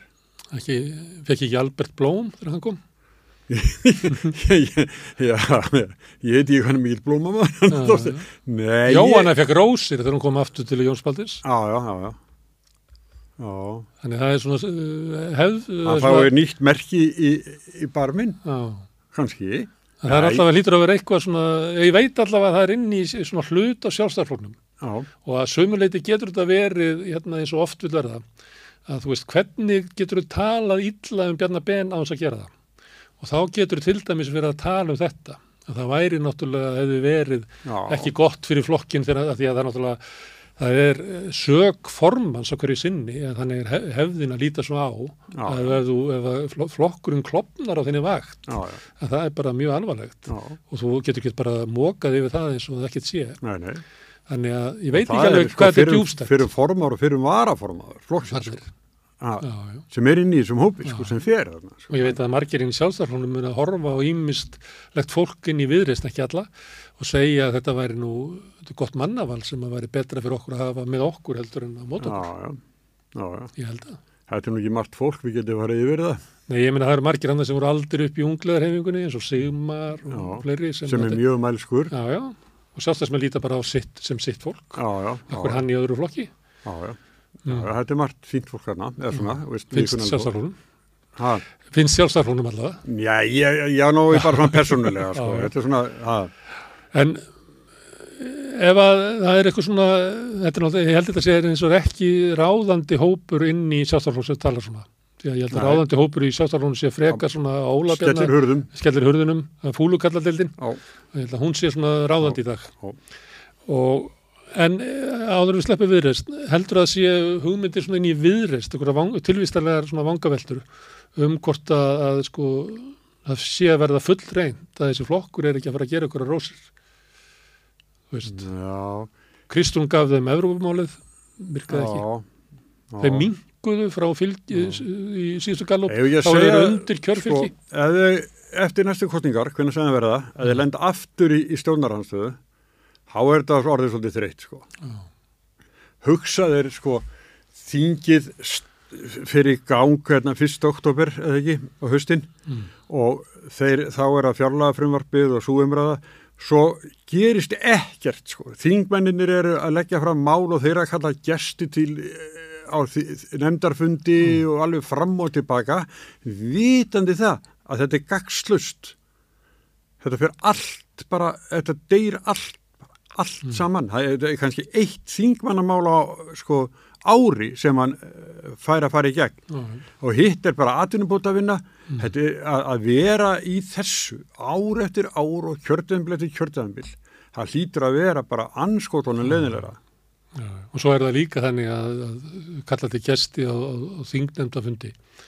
Að ég veit að það er upplifið margra gesta að það skiptir í ringum máli hvort að segja þetta sko. og þú farið á tilfinningun að sko fæstir á þingmannunum er að hlusta á þig. Já, já, heldur eru þeir að tjási sín á milli. Mm. þetta er mjög sérstætt sko. En þetta er ykkur undatenningar af því en ég bara, já, ég komið þarna í ýmsum hlutverkum fyrir þingnefnd og mér fannst þetta að vera bara ótrúlega sérkynilegt sko. Að hérna, það náði ekki alveg þú veist, en svo sérðu það líka að, að öllum umsögnum og eitthvað fleira að, að niðurstaðan, breytingin á frumvarpunum í nefndinni er ekkert alltaf tengd einhverjum umsögnum, einhverju aðalút í bæ. Nei, nei, svo það líka. Það er bara einhver samningar í já. bakherbergjum og, Já, já, já, já. Mm, en auðvitað er það dæmi um það og ég maður tek- kannski ef við rifjum upp COVID til dæmis að þegar að frumvörpin komin í þingið þá voru þau mjög halv bökuð og vinnan inn í þinginu bætti sömu þessu frumvörpum ég held að, held að, held að geta þessu og ég geta lítla um þingið Nei, ég, nei, ég verður samt sem áður, þá er það þannig að svona venjulega árferði Mm. þá stjórnan anstöðu þingmaður, hann, hann getur kannski haft einhver ári og eitthvað orðalag einhver stað. Já. En það að sitja í því, sko, víkur eftir víkur, sko. Þetta, þegar ég var þingsveitamæður og satt hérna, þú veist nú hvernig það var hérna bladamanna svalinna, sko, og þegar ég var að horfið við þingsalinn, þá var ég ótt að hugsa, mikið á ég gott að vera bladamaður en stað fyrir þetta, sko, þetta er, að ég gæti á, sko, afurð vinnuna mína var þá allan að prenta það kvöldi, sko, Já. eða mótnir endar. Eitt sem að þingmaður geta ge- gera oft ágætt það er að koma með fyrirspunir.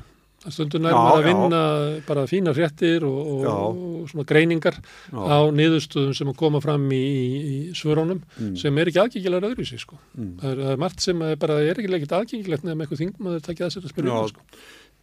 að því þú hefur sagt að ég fyrir um þingfréttamaður þá, þá, þá var nú ekki tölvurna sko, það kom bara út prentað hérna, fyrirspurt frá bara að því sem Stefáni Guðmundssoni við nefndum hann á hann, eitthvað um eitthvað mál og þá var eftir svona prósessin sko að fara inn í ráðuniti og svara og, og ég var með útprentuna og þá bara Stefán talaði eins um mig hérna, af hverju þetta að spyrja þessu? Þannig að ég fekk fréttinar eða það voru einhverjar bara daginn sem það var prentað og þannig að það var að fannst mér oft skemmtilegsti luti vinnunar sko. Já.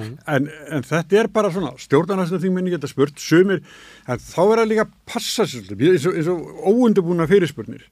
Það sko kemur upp og, og ég kem upp og spyrja því sem ráðar eitthvað og ég segi hérna það er, hérna, það er ágreiningur sem er það nákvæmlega og svo sé ég, ég er búin að koma með spurninguna og segi, nei, heyrðu, ég var eina halva mínúti eftir. Já, svo hérna eitthvað, kemur eitthvað helvits bull óundubúið og svo kemur þú sem ráður upp og byrjar að segja þetta var nú hérna, lokin á þessari fyrirspurning var alveg galin sko, og svarar aldrei neina, þeir gefa alltaf sko ráðurunum svar á að svara ekki sko, það er bæt alltaf við þeir komið með svona þrjár spurningar og Það getur er að dómar í þetta. Fórseti alþykki sagt eiginlega að se- segja við ráðurinn að þú ert ekki búin að svara spurningunni. vilt ekki- Já, já, þetta, Þetta er er svona. eiginlega halv astnalegt kerfi sko. Já, þrýliða spurning, þá velur ráður hann hvaða liðið hann vilji svara. Það verður bara eins og bara við talaðum krakka.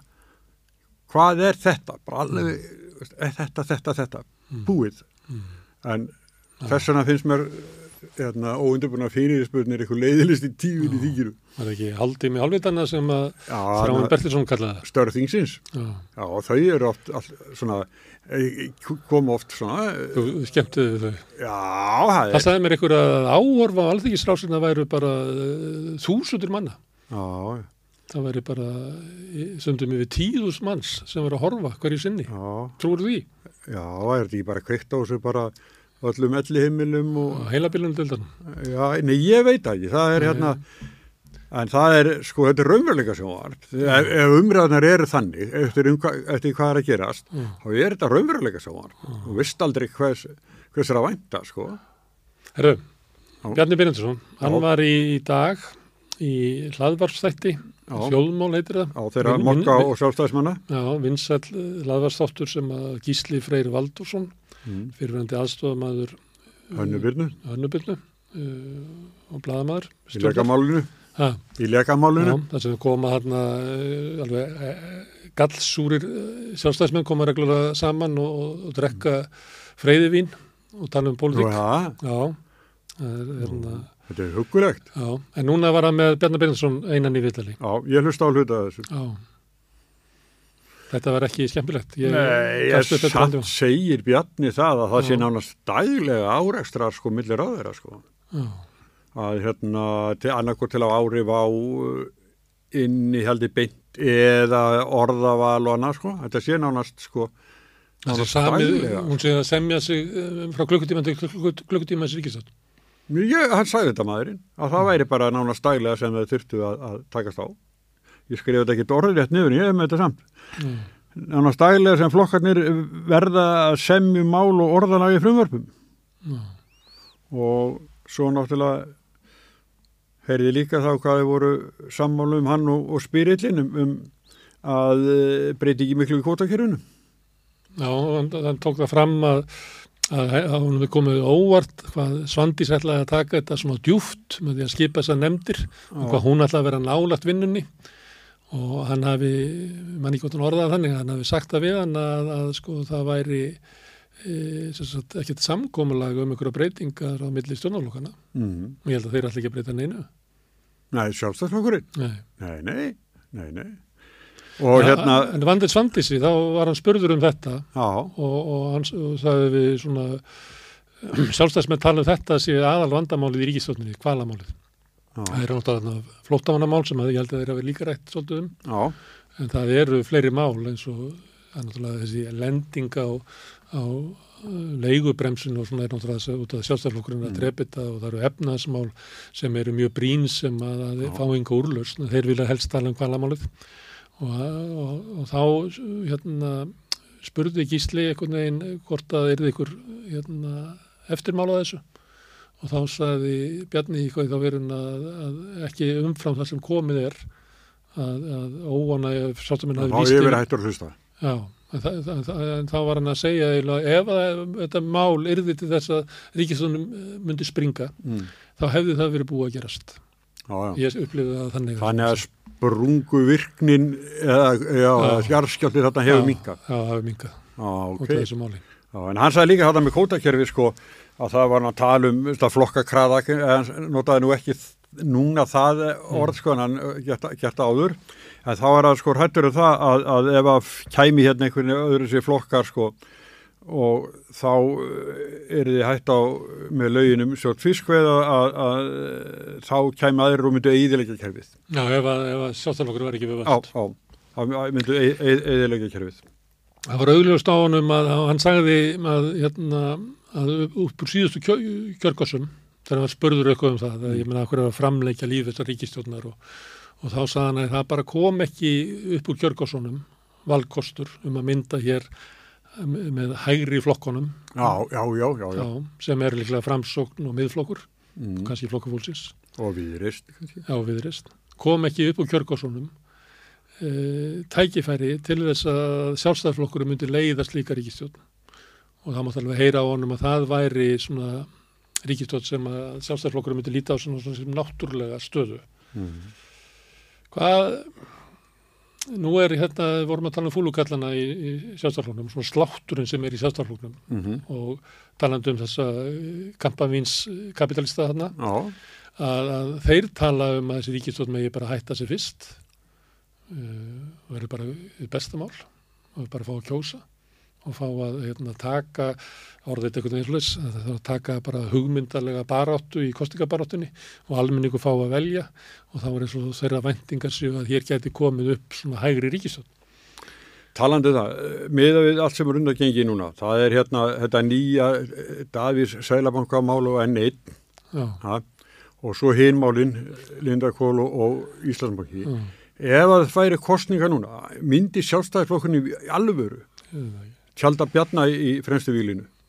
Ég hlustaði ekki á allt viðtalið þarna í þjóðmálum en var hann gísli freyr að hamra á, á Bjarnabenni með þessi mál? Nei, nei, ég, nei. Var ekkert minnst á þetta? Ekki Íslandsbanka? ekki, ekki upp af við, það var Svandís var fyrsta máli. Er ekki? Og ekki Lindakól?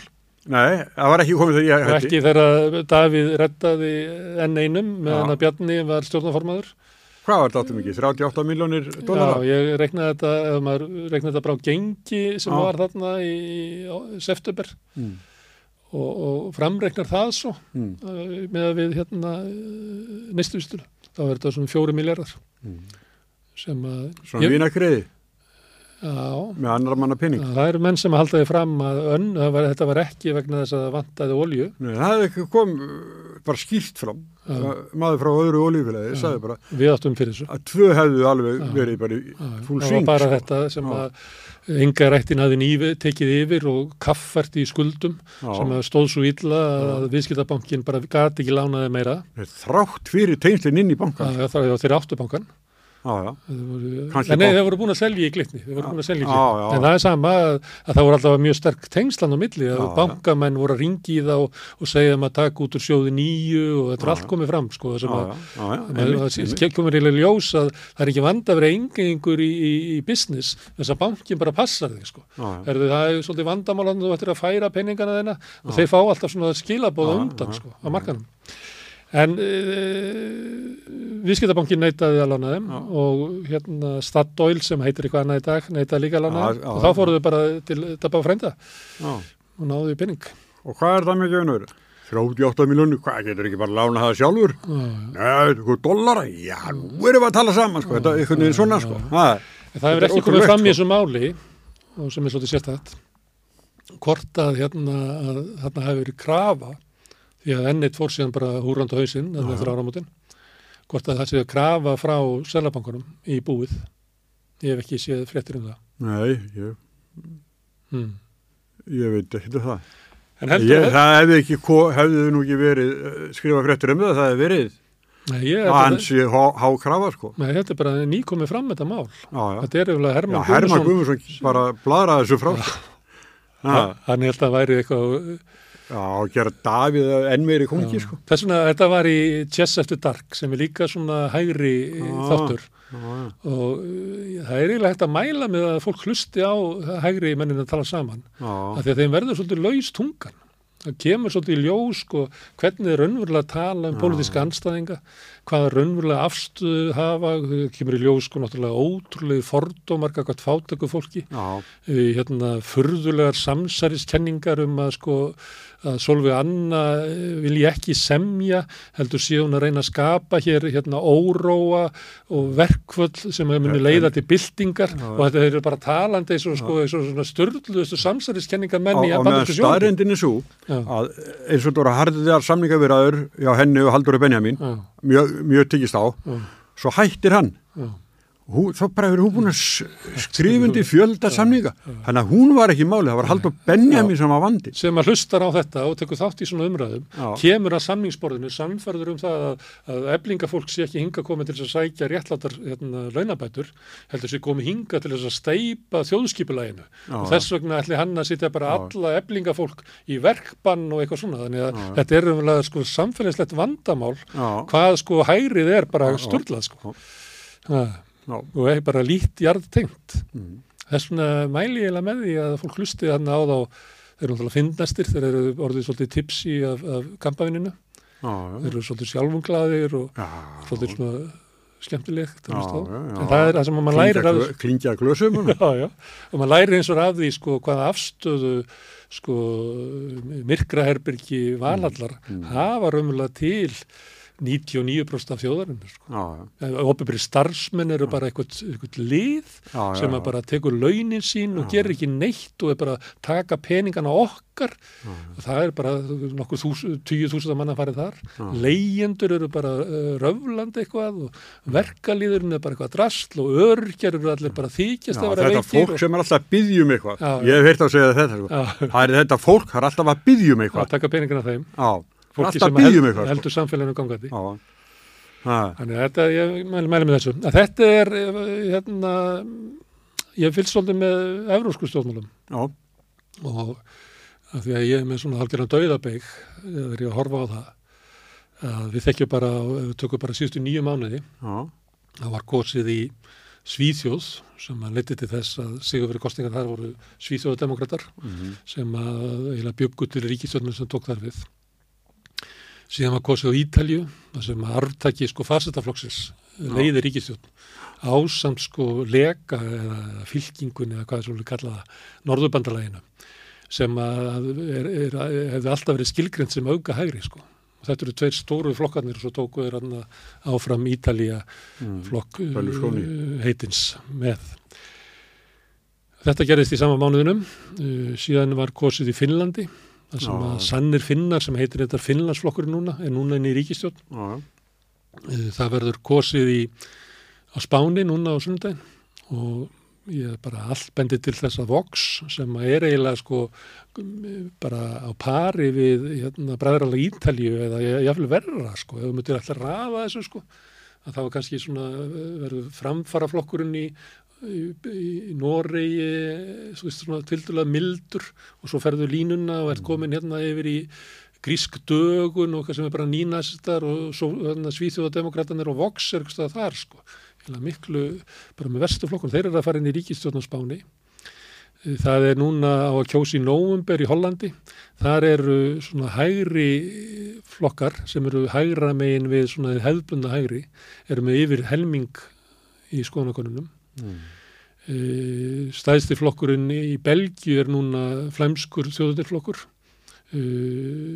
Alternative for uh, Deutschland er núna næstasti flokkurinn í konunum í Þískalandi Já, og þetta er bara það er eitthvað svona rosalega hérna, ultrahægri bylgja sem er að ganga yfir Evrópu og ég er að velta fyrir mig hvort að svona, þessi hluti, þessi kampaminskapitalistanir og fleiri, þessi myrku herbergi valhallar séu svolítið að gæla við það að Já. sé tækifæri núna með því að keira bara útlendingamálunum já, að þá kannski geti þeir náð uh, svona ultrahægri, svona blásvartri ríkistjórn já, með kannski miðflokknum eða einhverjum Já. svona útlendinga andúðarliði og komið hér á bara þú veist, fá að stjórna bara í friði fyrir hérna Já, Vafki og öllum þessum sósaldemokratum. á, á leiðin hingað var ég að tala við són minn Kristján í Já. síman Mm. og þá var hann að tala Hann byrja í Svíþjóð, Ha, hann byrja í Svíþjóð. já, þannig að það voru að tala um sko hérna sjálfstæðisblokkin og, Já. og, og þessa, þessi Bjarni sagði á tröppunum á Bessastöðum Já,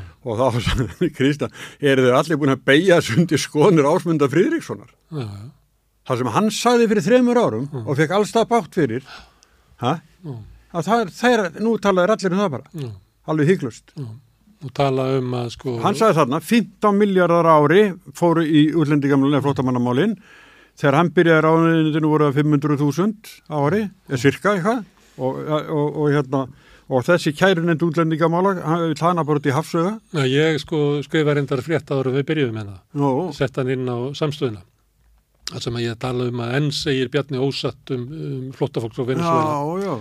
Sko málið er það að hann stillir sig upp eins og sjáttalokkurinn hefur sagt og kemst bara upp með því á rúf og mokkanum og öllu þessu drasli. já, Því miður, þá komast þeir bara upp með það að segja það að hafi kærnum útlendingamála hafi breytt stefnunni. Það er ekki rétt.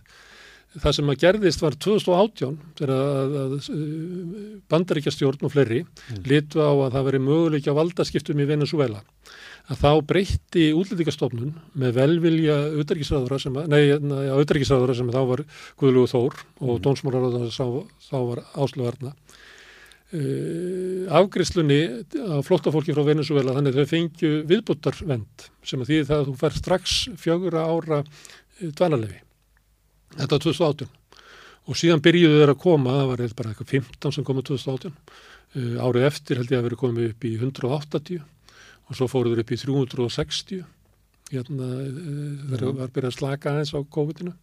Og þá uh, er komið í ljós að það er ekkert að verða valdaskipti í Venezuela þannig að sjálfstæðsmenn er búin að missa á, á hérna, flóttafólki frá, frá Venezuela Þannig að þá fyrir útlendingastofnun og segir einhvern veginn, nei, nú erum við hægt að afgreita bara automatist, að þú fái bara fjögur ára að þú kemur frá Venezuela. En þessi stað þá, hérna, já, við tökum við hvert mál fyrir sem einstaklinga og höf- höfnuð öllum. Svo bara það, ekki, þú ert í yngri hættu og fara bara heim. Kærinend útlendingamála tekur það fyrir þá haustið 2021 og segir að, að nei, það er ekki hægt, eh, hérna, stjórnsýslu lögum að þá verður að vera samfella í afgriðslu kakvært einstaklingum. Og þú getur ekki sagt, hérna, látið Sigurjón fá hérna viðbótarvend í gær en, en Gunnarsmár ekki í dag, það bara, þannig er þetta ekki á Íslandi. Og uh, sendir þetta tilbaka. Þannig að útlýtingastofnun verður að áfram að, að afgreða þetta sangvað línunni sem hafa gefin af sjálfstæðarfloknum 2018 mm. og svo heldur þetta áfram og þeir reyna aftur og uh, í síðastliði sumar að þá kemur útlýtingastofnun með sama niðurstöðu. Ef við ætlaði að breyta efnisleiri, uh, efnisleiri niðurstöðu þá verður það sína fram á eitthvað hafi breyst í Venezuela sem við gerum ekki. Því að öðru kosti þá bara gilda stjórnsýslulög að sama afgriðsla mála verður að vera sambarlega annars eru við bara með eitthvað svona Skrýpaleg já, bara skrýpalega, bara embati sem að geta bara ákveð einn daginn að, að nú ætla ég að gera þetta og hinn daginn hitt og, mm. og það, það er það sem að, að kærnumdun hefur verið að segja. Já. Á þessu tímabili frá því að sjálfstaflokkurinn byrjaði að bjóða fólk frá Venezuela sérstaklega velkomið vegna þess að þeir voru í einhverju herfur hérna gegn alheims kommunismannum eða guðmávita hvað, já, hvernig, já, hvernig hugsaði í þessu myrkra herbergi valhallar að þá hafa komið yfir 2900 manns frá Venezuela. Flokkurinn sem að opnaði það fyrir þetta, þetta er hvergi annars þar í Evrópu. Það er hvergi í Evrópu sem að fólk, flóttafólk frá Venezuela fær einhverja viðbónda vend. Þetta er bara ákvörðun sem er tekin upp í valöll og, og, og ég held að séu sko fleiri sem að koma yngar frá Venezuela heldur en til allra Norðurlandana samanlagt, ekki hlutaslega sko. já, já. vegna þess að í Venezuela vita með það að sjálfstæðsflokkurinn býður ykkur sérstaklega velkomin til Íslands en það á ekki við um neitt annað Európaland. Mm og þetta er sérst, uh, flokkur sem að gera þetta og, og ég held í sjálfum sér að sko flottafólki og Venezuela er ekki að valda neinu skadi í íslensku samfélagi. Mm. Það hefur verið gerað kannanir á því, það vinnur sko hlutastlega meira heldur en íslenski ríkisborgarar þannig að ef þú færð sko viðbó, hérna, við, viðbótavendina fær strax dvalarleifi og þar með kennitölu og atvinnuleifi að þá er þetta fólk meira og minna komið í vinnu. Þetta er fólki sem er að taka á móti sko aukningu ferðamanna og er að, er að skúra og skipta rúmum og byggja, byggja og gera alls konar hluti. Það er ekki vandamál vandamálum. En sjálfstæðarflokkurinn, hann stendur á tröppunum á bestastöðum og segir að, að það séu hælisleitendur sem að valdi því að grunnkerfi samfélagsins sé að rinja. Ástæðan fyrir því að þetta er að hækka núna, hann hefur komin upp ykkur að 15 miljardar og var að tala yfir að kostaði 360 skall í þessu á, hérna. er, er meðal annars það sem að gerist að ef að útlendingastofnun hættir að veita fólkinu frá Venezuela strax viðbóta vend, þannig að það fái bara kennitölu, fara út á vinnumarkaðin og útlendingastofnun þarf ekki að hugsa meira um það fólk, að þá getur ekki fengið kennitölu, getur ekki að fara að vinna og útlendingastofnun borgar í 360 skall, eh, borgar ekki því, það kostar eitthvað húsnaður, þetta fólk fær held í 8 skall á viku, eitthvað, þetta er bara mm. hlægilega peninga sem er fæ, skrimtir hérna, að, að það býr til kostnæðin það að, að þau svo lengi afgreðamálinn eða eru með svona vittlisisganga að reyna að finna út úr því hvernig þau geta farið út úr þessari ákvörðin sem að vera einhvern veginn tekinu uh, upp í valhöll 2018 þegar þau heldu að vera með Pompeo og félögum og Trump einhvern veginn í því að, að fella ríkistjórn sko hérna ríkistjórnina í Venezuela að þeir eru að reyna að vinda ofan að því sko, það er kostnæður Já, þeir sást ekki fyrir þegar þeir fóru á stað. Nei, það gerir það aldrei sko. Nei, já, ég ætla að segja það. Það er nú bara þannig sko er, já, En þá með Bjarnar hvað, hvað, hans talað hann um, um uh, greinar sem Óli Björn skrifaði síðustu viku? Já. Og uh, það sem hann var að tala um að flokkun ég vil vera bara í stjórnar anstöðu Já. Og Bjarni sagði þá að, að, að Óli hafi nú freka verið að skrifa þetta til hinn almenna flokksmanns en ekki sem er í gildarsölunum Já. Já. Hvernig? Nei, það var ekkert spurt meira. Ég, ég er að segja viðbröð bjarnar við því voru, já, þetta var ekki til mín. Já, Nei, þetta er bara til almenna flokksmanns að, að veist, halda áfram að vera í flokknum. Og... Ég held reyndur að það sé þannig.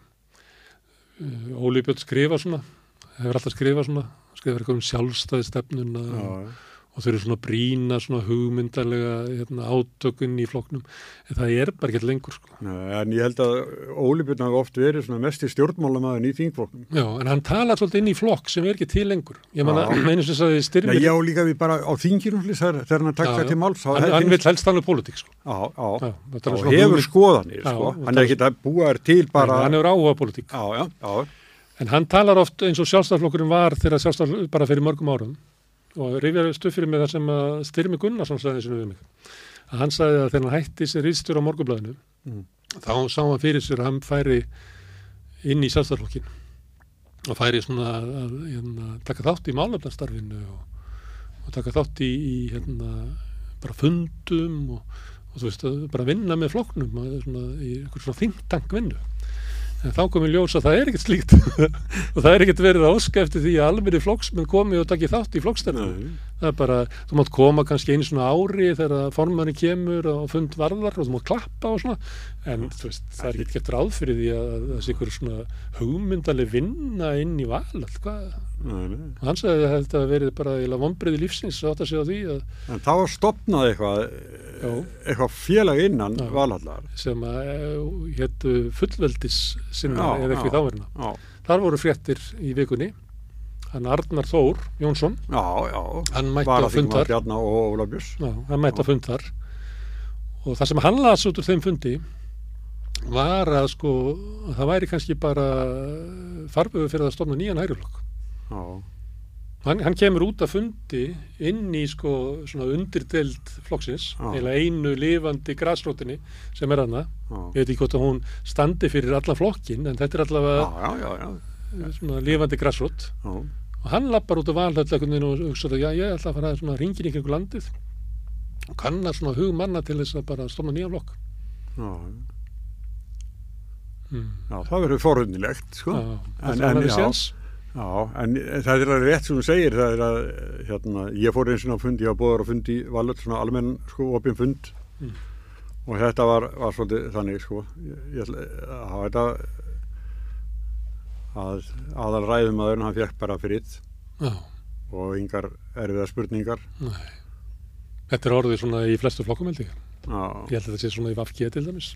Já, Já þau þurfum nú alltaf stóra sali fyrir fundina sína þetta er alveg hugsa sér sko uh, Katrín Jakobsdóttur og svo flottur hátna stjórnaranstæðingur og góður ræðumadur og svo bara alveg omvend og náttúrulega naut þess að vera ráðherra og fara með einhver völd um langan tíma með mikinn stuðning þjóðarinnar.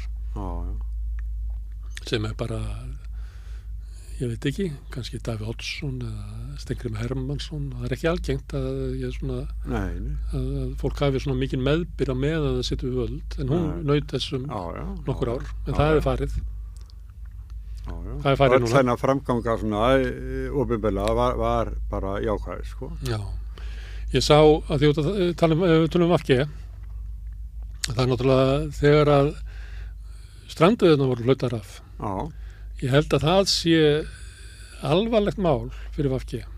Ég var að skrifa um það inn á miðjunni í dag. Það ekki? Jú, Lilja Rappni náttúrulega sem að var formaður atvinnuveganemdar á síðasta kjörtumabili og barðist mikið fyrir þessu. En Jón Bjarnason náttúrulega í Vafki, hann var uppasmaðurinn að þessu. Já, já. Og fekk bátt fyrir sko við það, en hann barðist áfram með þetta. Já. Og svo er það hérna... Ég held að það við sanna sér líka mjög vel. Ég held að það sé bara SFS samtök fyrirtækja í sjáuröðvegi stó, stór kóta eigendunir sem að telja að strandvegikerfis ekki gott Já. Ég held að það sé bara myndir, ég myndir rekna með það Jó, svo er það reyndar sko að þetta er saminlegu pottur sko, þeir sem eru í Suðausturlandi, þeir fiskunni kemur síðast ja, það er bara uh, ágallið við kerfið sko. Já, en ég held að, að, að, að Nei, já, já, já, en það þarf að laga þetta þetta er ekki hægt að skilja þá eftir. Ef þú myndir spyrja sjómen, ef þú myndir spyrja hérna, Arnar Allarsson hérna, í félagi fiskvinnsla sem að hafa ekki hérna, útgerð sem að þurfa að kaupa markaði eða þú myndir spyrja sko, bæjastjórna fólk kringin í kringu landið þú fekir alla til þess að styðja sko, stranduðar Tala ekki um hafnastjórna Já. Eitthvað að gerast á höfnunum? Og svo e, fyrir síðustu kostingar mm. og þá, ég man ekki gott um mannstætta að sko það var minna fall í fylgi vafki út á landi heldur en höfuborgarsæðin og eina ástæðan fyrir því að þau eittu mikill orku í það ferðast um þessi svæði mm. og tala um að þau væru eiginlega sko þau sem að myndu berjast fyrir strandviðunum strandviðunar voru eitthvað sem við byggum til og við ætlum að verja það og ég held að núna þegar þetta bara flauta af ég held að þetta hafi mikil árif á, á Já, stuðning fólks við að, að Svandís hafi eitt inn í steinu sem við fekk í kvalamálunu Já. núna Já. og standið ég vil verða eftir ég held að Já, ég líka Og varst þú ekki að byrta á miðjunni, ég meina, það var einhver trillukall sem að skrifaði um valdaránið inn í Vafki. Nei, ég maður ekki. Jó, ég held að séu hjá þér.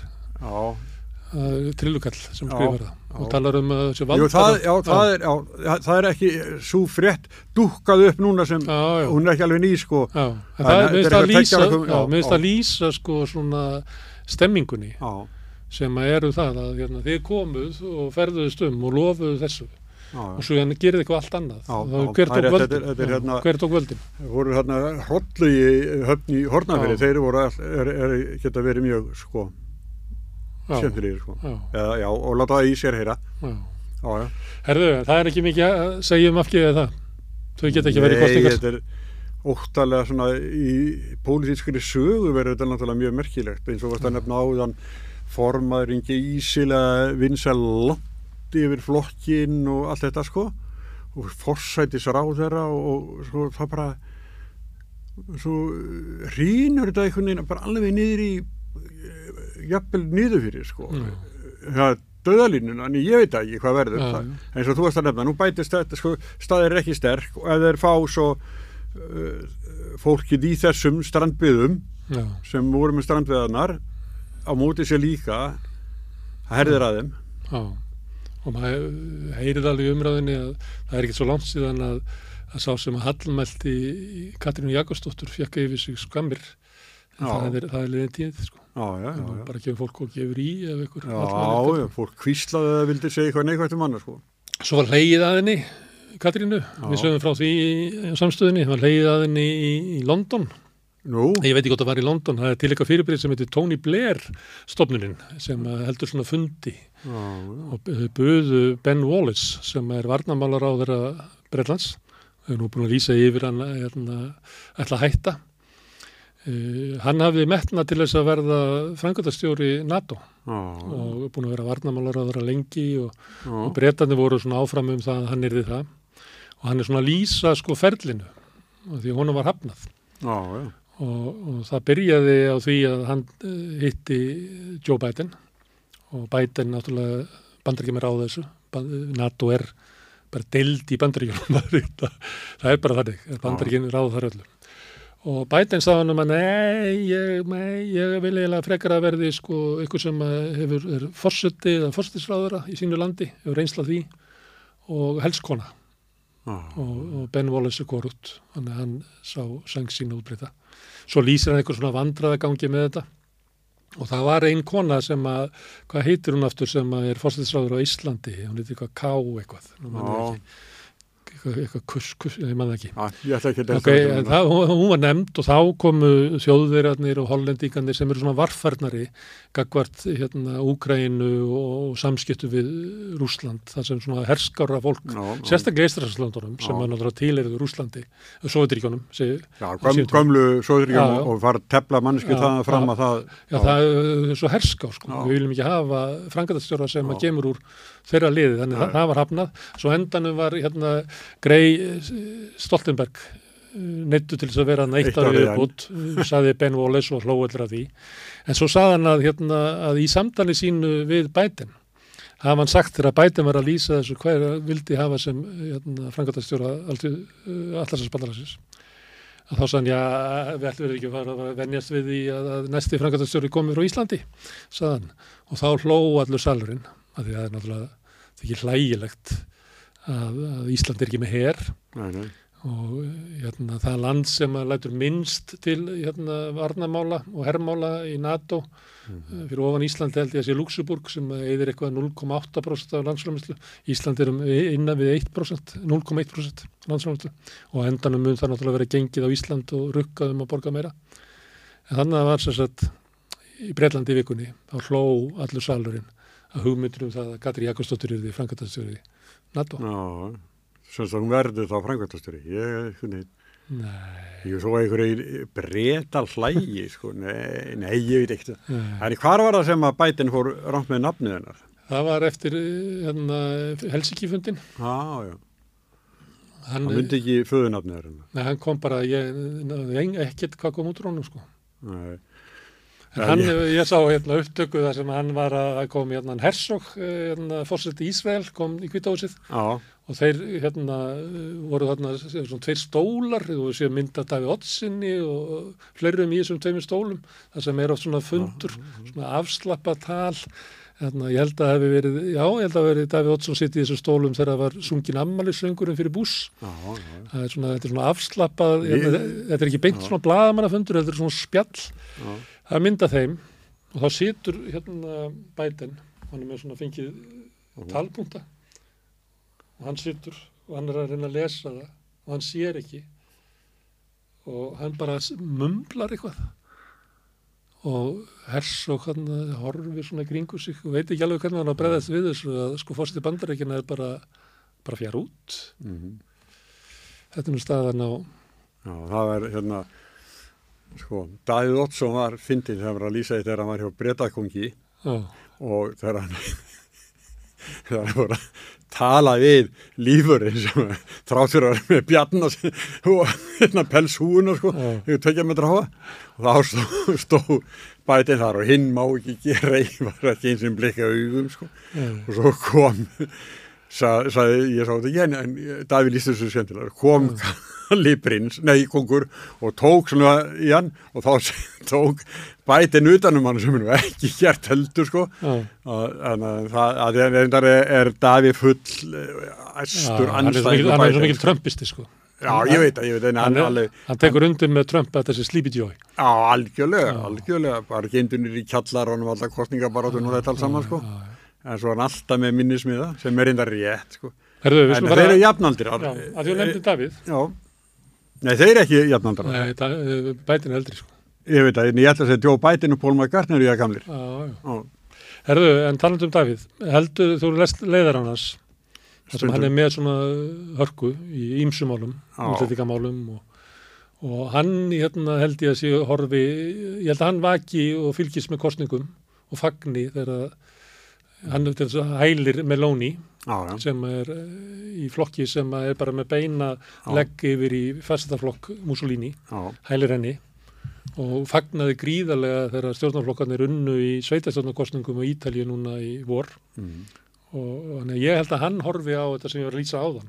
Að horfa á að svona, svona svar bláa bylgjan sé að taka Evrópu, hann er hrifin af Bolsonaro hann er hrifin af Trump hann er mér alltaf elskaði Berlusconi. Já, ég hef aldrei heyrt hann hérna, Hallmæla Orban þegar hérna, sjálfstæðarflokkur var í kostninga eða svona flokkabandalagi með lög og rétt og Erdogan og, og reyndar flokki Pútin líka og það með, með ekki segja það lengur en þannig var það. Og þannig að þessi bylgja að sjálfstæðarflokkur sé að færa sér þanga aha, og það má oft svona heyra það í, í leiðurum í, í málgagninu, já, er Davíð raunverulegur áhrifamæður inn í sjálfstæðarflokkur? Sko, nú ætla ég að vitna í gamalt samtal. Að þegar að sín tíma segi ég við Bjarnar Bindisson formann er þetta ekki svolítið pyrrandi að kallir upp í hátismóma skrifa kannski hú takt við það sem þú ert að gera og, og flokkurinn. Hás, hugsaðan sann sann, nei, það er þó hinn hérna fyrirvændi formann nú verri, sko. Já, Þorsteinn. Hvað, Þorsteinn, já, já, okkur. Að hann er að skrifa allt annað en við, sko, innst inn í viljum, sko. Alveg langt frá flokknum. En Davíð þó svona, sko, svona, hann má umbera hann, en, en alls ekki Þorsteinn. Já, Þetta sagði mig.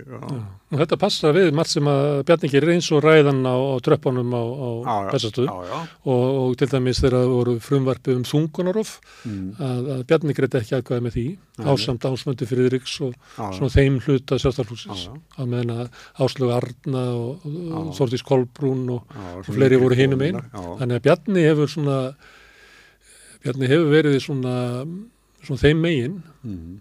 hann er svona svar blár Já, mm. já, hann, já. Og, og, og var það hann á Bessastöðum, Mm. er það ekki? Já. Já, hann bara Ok, mjög, erum mjög að- harður. Við erum að tala um rí, líf ríkistofnarina, er, þetta, Já. er við ekki þarna komin kannski að kjarnamálsins? Að það fyrir eftir því hvernig þessi svarblái uh, hluti sjálfstaflokksins metur möguleika sína á því að ná góður, góðum úrslutum í kostningum. Að láta kostningarna snúast um einhver svona mál sem að hafa skilað uh, ultrahægrinu, góðri niðurstöðu víðum Evrópu, að það ráði því hvort að þeir haldi áfram í ríkistofnarina ekki. Já, ég veit það ekki. Það er náttúrulega sko, þau verða að stefna á svona 25% eitthvað nála tí sko. En þeir, ef þeir fara eftir eigin sko bara hugssjónum, þá gera þeir þetta. Mm. Það Þá fáðu þeir kannski ekki 25. Nei, það bara í samkynni. Nei það er bara að venda. Ef að við erum ykkur féluguleik eða ef við bara koma til dyranir sem við klættir og láta slag standa. Ég held þessi hugsa um þetta. Já, Ég held þetta sem sem Bjarni er að meta. já, kannski. Já, það, allar þessar tölur um, um, um, um af hælisteitindum og, og það allt saman. Já, Já. mér finnst það. Svo býið Reykjanesbæ og þar er eitthvað svona mórall eitthvað, þetta sé of mikið, það er það kannski Já, sko. Já, já, Já, heyrðu, svo talaði hann líka um flóttamanna búðunar eða flóttamanna fangelsi, já, hann í, í, í þessum þætti á mókonum. Þetta er ekki móki sko, þetta er sjálfstætt. Já, já, já. Þetta er svo líkt þannig, þeir eru með dagmál líka og þeir eru lengi munur á þessu. Þjóðmál og dagmál. já, já, en, en uh, Gísli er, Gísli Freyr. já, Gísli Freyr, hann er, uh, hann er nú einu sinni sko viðskipta rísvöru morgunvæðins, hann er, er nefnilega vonum að segja Ha, já. Nei, þetta er, ég veit ekki. Við hefum ekki talað um, um flokk fólksins er, hann ekki bara í sumafrí? Jú, ég held að, ég held að þessi allir í sumafrí. Samfélgín er í sumafrí, Já, viðræstnir í sumafrí, flokku fólksins í sumafrí. ég meiri sér að miðflokkurinn sko. Það er einn, hérna, margreindur stjórnmálamæður, ráður á hvaðina, hann sagði eins og mig, sá sem er stæstur hann á þeia. Já, það er alltaf samfélgín að gera. Ég stríði þeim svolítið þegar ég hitt eitthvað, segi hvort að ætliði virkilega að haldi niður í einhver andanum í 2,5 ár. Já. Nei, þeir eru að koma upp á rétt augnablíki bara. Já. Þeir eru ekki að taka þátt í hvalamálinu eða einhverjum, hann, þú veist, svona, láta það allt vera. Já. Það mun vera sko, svona, fram á fólki í flokknum hafi verið sendt svona lína um hvernig þið hegða sér í þessu. Því að það er, þau eru bara komin í kostningabaratu og þau ætla að reyna að halda, eins og þess að segja, sko, að halda nýri sandanum í 2,5 ár. Það eru mjög stífa reglur um hvað má ekki, sko. Já, en nú eru, nú eru sko tveir þing, af þingmennunum þeirra sem eru, næ, þrýr, sem ég er búin að sjá svona ágætt skrif eftir, sko, það er Jóhann Páll, Helga Vala og Odni. Já, Þannig að, ég veit ekki, Otni var nú með eitthvað svona sumar kveðju ykkur, nei, já, ég var... stjórnmála sumri og... Já, ég man ekki alveg, alveg hvað var í, þessari, nei, hún var samt pólitísk í henni. Já, Jóhann talar um Íslandsbankamálið, Já, Lindakól. já, og, já, og, og Helga Vala er, er líka virk, sko, hún er að andmæla mörgum máli sem að koma fram sem sem fóringjarnir stóru er, er að segja og gera. Mm. Þannig að það er hérna já, en það getur líka vel verið að sé planið að ykkurir fáir séu svona virkir til að sopna ekki alveg en, en formaðurinn og varaformaðurinn Hún er og, í fríi, Kristján, hún er í sumari. já, já, Hún er náttúrulega nýkomin, ég heldur að hún er ekki búin með batninglega fríi sér þeim sinni. nei, nei, Þannig að skiljalega er hún bara í fríi. já, já, hún komur að aðeins inn á þingi þarna í lokin Já, svo fór hún bara í frí. já, já, Herðu, svo lýsar það. Það er ekkert frí hjá okkur, það er bara Nei, aftur næstu ykkur ekki Já, næstu viku. En þú Já. þarft ekki að gera þanga til. ha, Þú þarft ekki að gera þanga til. nei, Sjáumst bara í næstu viku. já, nema, hva, hvað gerum við ef, ef, ef, stjórnin springur um helgina Ég held- heldur að við er líklegt. nei, Nei, ég held ekki. Nei, ekki um helgi. Nei, miðað við hlusta á Bjarni morgun, sko. Þá er þetta svona, svona átökum mörg mál og þetta, en þau eru búin að komast í gegnum kvalvegi bannum þetta og þá halda þau bara áfram. Sko. Já, þetta viðtal var, ef við mætti að orða það, þá var þetta svona, uh, Bjarni setti svona lok á ýmsa svona potta, mm. svona va- varfærnislega, en alveg vissum að, að hann vill ekki að þessi vera að sjóða upp úr. Nei, nei, Þessu. nei, nei. Já, já, hann er svona, já, hann er að reyna að róa sitt lið. Já, herðu, Sigurjón, takk fyrir að koma Já, og góð helgi. Herðu, áraður, takk fyrir að sitja þetta með okkur. Uh, Það er sumar hjá okkur á samstöðinni, hérna eru sendir út svona ymsi þættir og við á rauðaborðinu við ætlum að hafa svona kannski eitt átt í viku yfir hásumarið og byrja svo að fullu krafti eftir verslum helgi. Þannig að ég segi bara takk fyrir í dag og góð helgi.